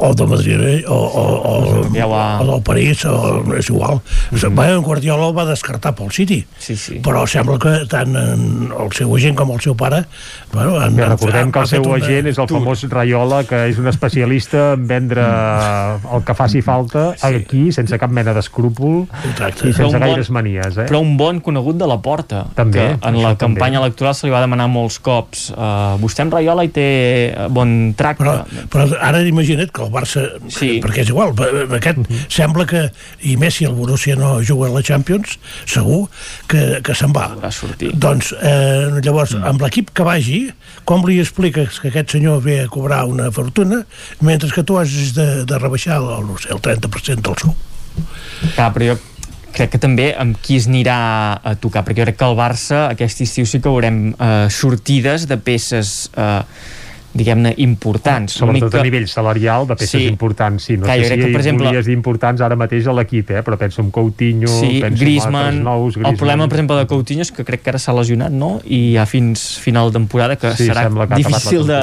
sí. de treure'l i pel que van dient no? la, la clau passa per mantenir Messi eh, Mhm. renovar Dembélé i incorporar eh, en principi seria eh, Haaland eh, a l'equip i després jo crec que Griezmann eh, Coutinho un Titi són jugadors que se'ls posarà a la porta de sortida Eh, però qui Clar, hi ha alguns que et compren Bueno. un Titi. Sí, sí, això és... o treure'ls i reduir massa salarial com sigui, eh, allò que dèiem de mig regalar-lo, no? Eh, és el que, el que s'haurà de... o sense de el fer. mig No, no, regalar-lo directament que... Home, estalviar-se el sou de l'Umtiti, doncs Clar. mira, és un bon estalvi, segurament, eh? per les arques del Barça i tal com estan ara mateix els números. Mhm.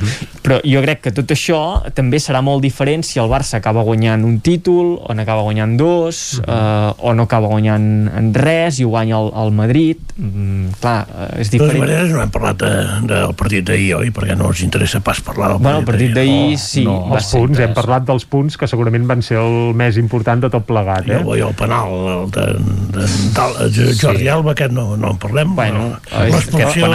Li- L'Isaac encara no l'ha citat, aquest penal, eh? És, és I les- estrany. I l'expulsió també que... em, Sí, no, però això, això, això ja és el que deien, eh? L'arribada a la porta no només s'ha notat amb això, també s'ha notat amb els arbitratges.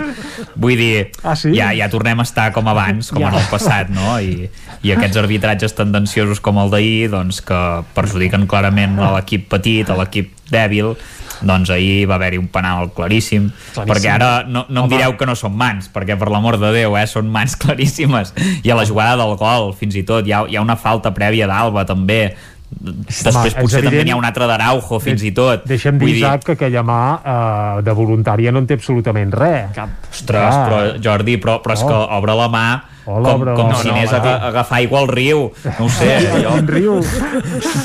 No, home, no. Vull, vull, vull dir que no, no ho sé, no ho sé. Jo penso que... I la jugada de l'expulsió, que, No. que, ostres, no, Jo- és que...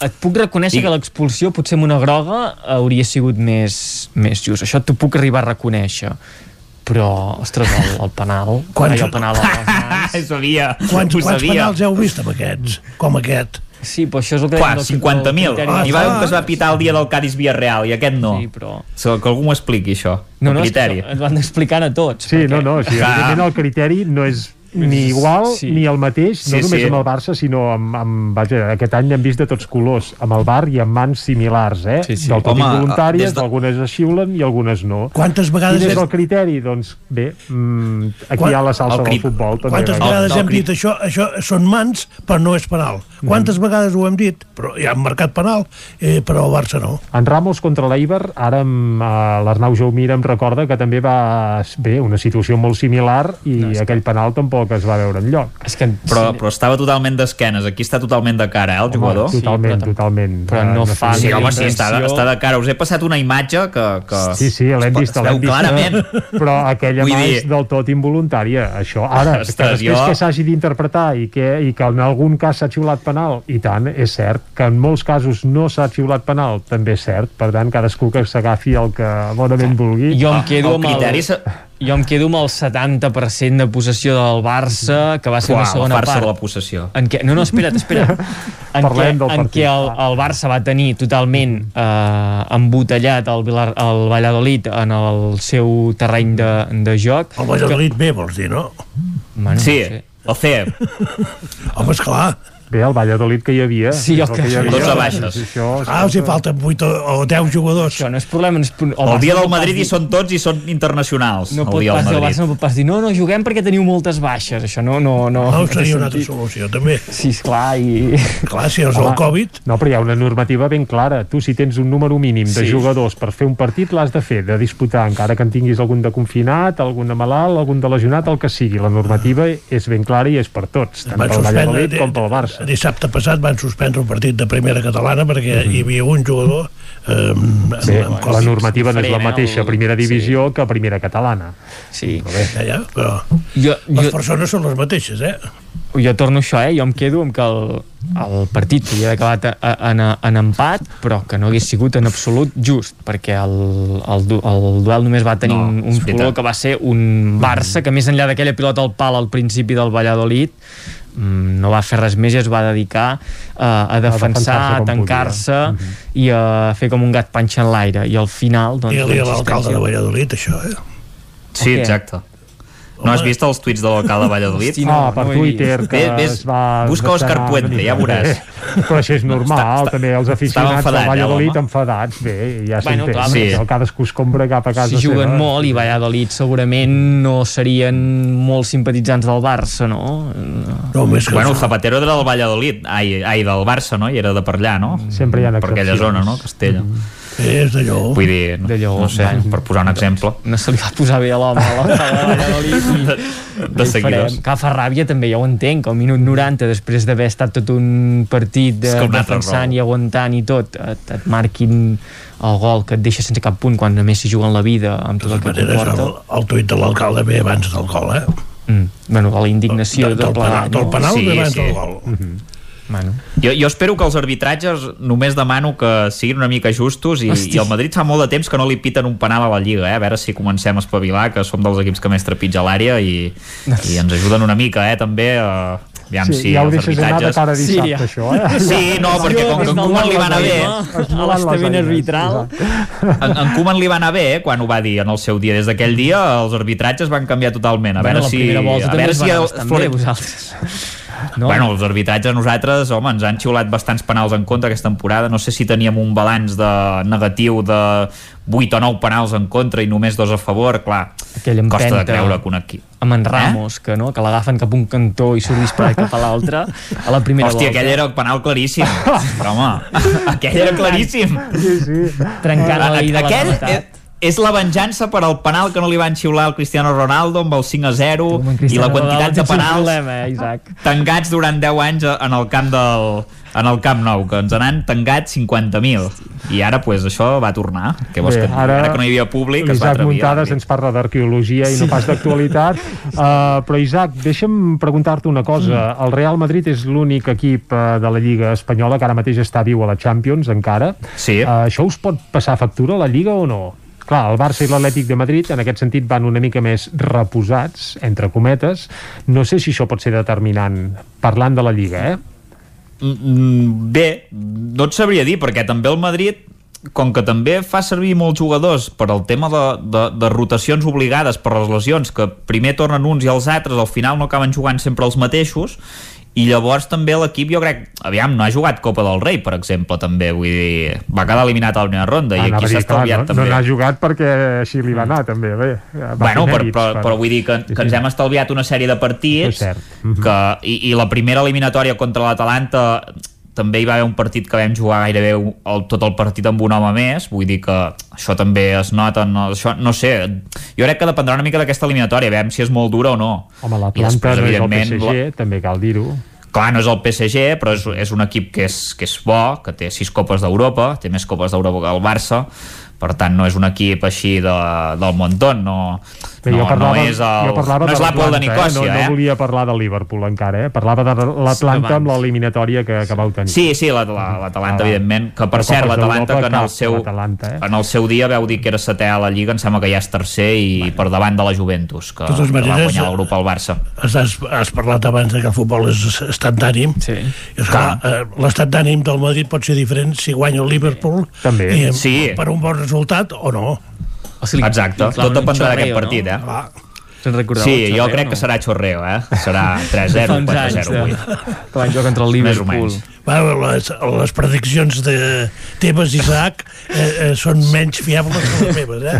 Perquè no, no Si, si, guanyem, si guanyem 4-0 el partit, em, em banyo a la primera platja que trobi amb pilotes. ara pla, ara pla ai, mare Promesa, pr- promesa d'ara. A, Sant, a Sant Joan en teniu moltes de platges. el riu Ter s'hi Bueno, va hi ha la no? platgeta de, hi ha la platgeta d'aquí del riu, que és molt maca. Ah, doncs... Home, i, i a Can de Bànol, tu allà al Freser, jo he vist gent que s'hi banya i... Exacte. Bé, doncs va, vés Vull dir- prenent mides, va, per si de cas. Va. Ah, Som a la recta final ja de la tertúlia, voldrem acabar fent una espècie de porra pel, per dissabte, però abans hem de parlar una mica de l'Espanyol, Lluís, que Carai. sembla que últimament... Miracle. No, home, no, sempre un ratonet eh, només faltaria. Uh, està agafant el to l'equip, eh? Clar, amb el QE potser era fàcil o més assequible, però sembla que ha despertat l'Espanyol. Quatre eh, partits, 14 gols a favor, en contra, està bé. Uh -huh. Però en venen dos. Aquests, aquests marcaran ja el futur definitiu. Eh, si fem 6 punts contra el Leganés a casa i Almeria, doncs mm, la feina està pràcticament feta. Llavors només es tracta de mantenir la, la velocitat de creuer i prou. Uh -huh. I si no, doncs mira, la cosa encara serà més emocionant fins al final. Ah, jo ja he dit sempre que es tracta de, de ser primer o segon. No, no, és que... La promoció no la, no la compres, eh? Ascens directe, L'ordre eh? l'ordre de tram me fot i primer i segon i, i no pensar-hi més en aquesta segona divisió que és horrible us, us aconsello als dels culers que no hi baixeu a segona perquè serà punyeteres Aquest any és complicat, ja. És molt, sí. és molt, molt dura i això, tot el que no sigui primer o segon és posar-se en, un, en un fangar molt, molt gran i jo crec que l'aficionat de l'Espanyol si s'acaba pujant primer o segon aquesta temporada us pot haver sortit bé en el sentit que no haureu hagut no? de, de viure una segona divisió uh, no sé, al camp i... que passa que, no, esclar, jo personalment m'hauria agradat anar a Sabadell, anar a Girona. Esclar, a Girona. Oh, clar, sí, sí. Eh, eh, vull dir que tenim un, un desplaçament que, que jo confio que sigui gairebé el definitiu per l'ascens és el 9 de maig a Saragossa, mm. que també m'agradaria haver-hi anat. Són camps propers i, Sí, sí. i són camps còmodes que, que esclar, són partits que et vas perdent i que sap greu encara que sigui a segona divisió. Però en temps igual. de pandèmia ja se sap, no hi ha públic als camps, almenys a primera i a segona divisió. Abans d'acabar, i molt ràpidament, eh? un resultat uh, per dissabte. Madrid-Barça. Uh, Guillem. Madrid-Barça jo dic un un 1 a 3 Molt bé. Uh, Lluís. Ostres, fort eh un 0-0. Molt bé. I Isaac, muntades... Qu 4-0, doblet de Benzema, Kroos i Modric. Ostres! Aquí sí que la diem grossa. Doncs moltes gràcies a tots tres. Dilluns que ve passarem comptes, aviam si n'heu encertat alguna. I ara nosaltres aquí a Territori 17 el que ens toca ja és acomiadar-nos. Tornarem demà i serem, com sempre, des de les 9 del matí i fins a les 12 del migdia. Fins llavors, salut i que vagi molt bé. A reveure.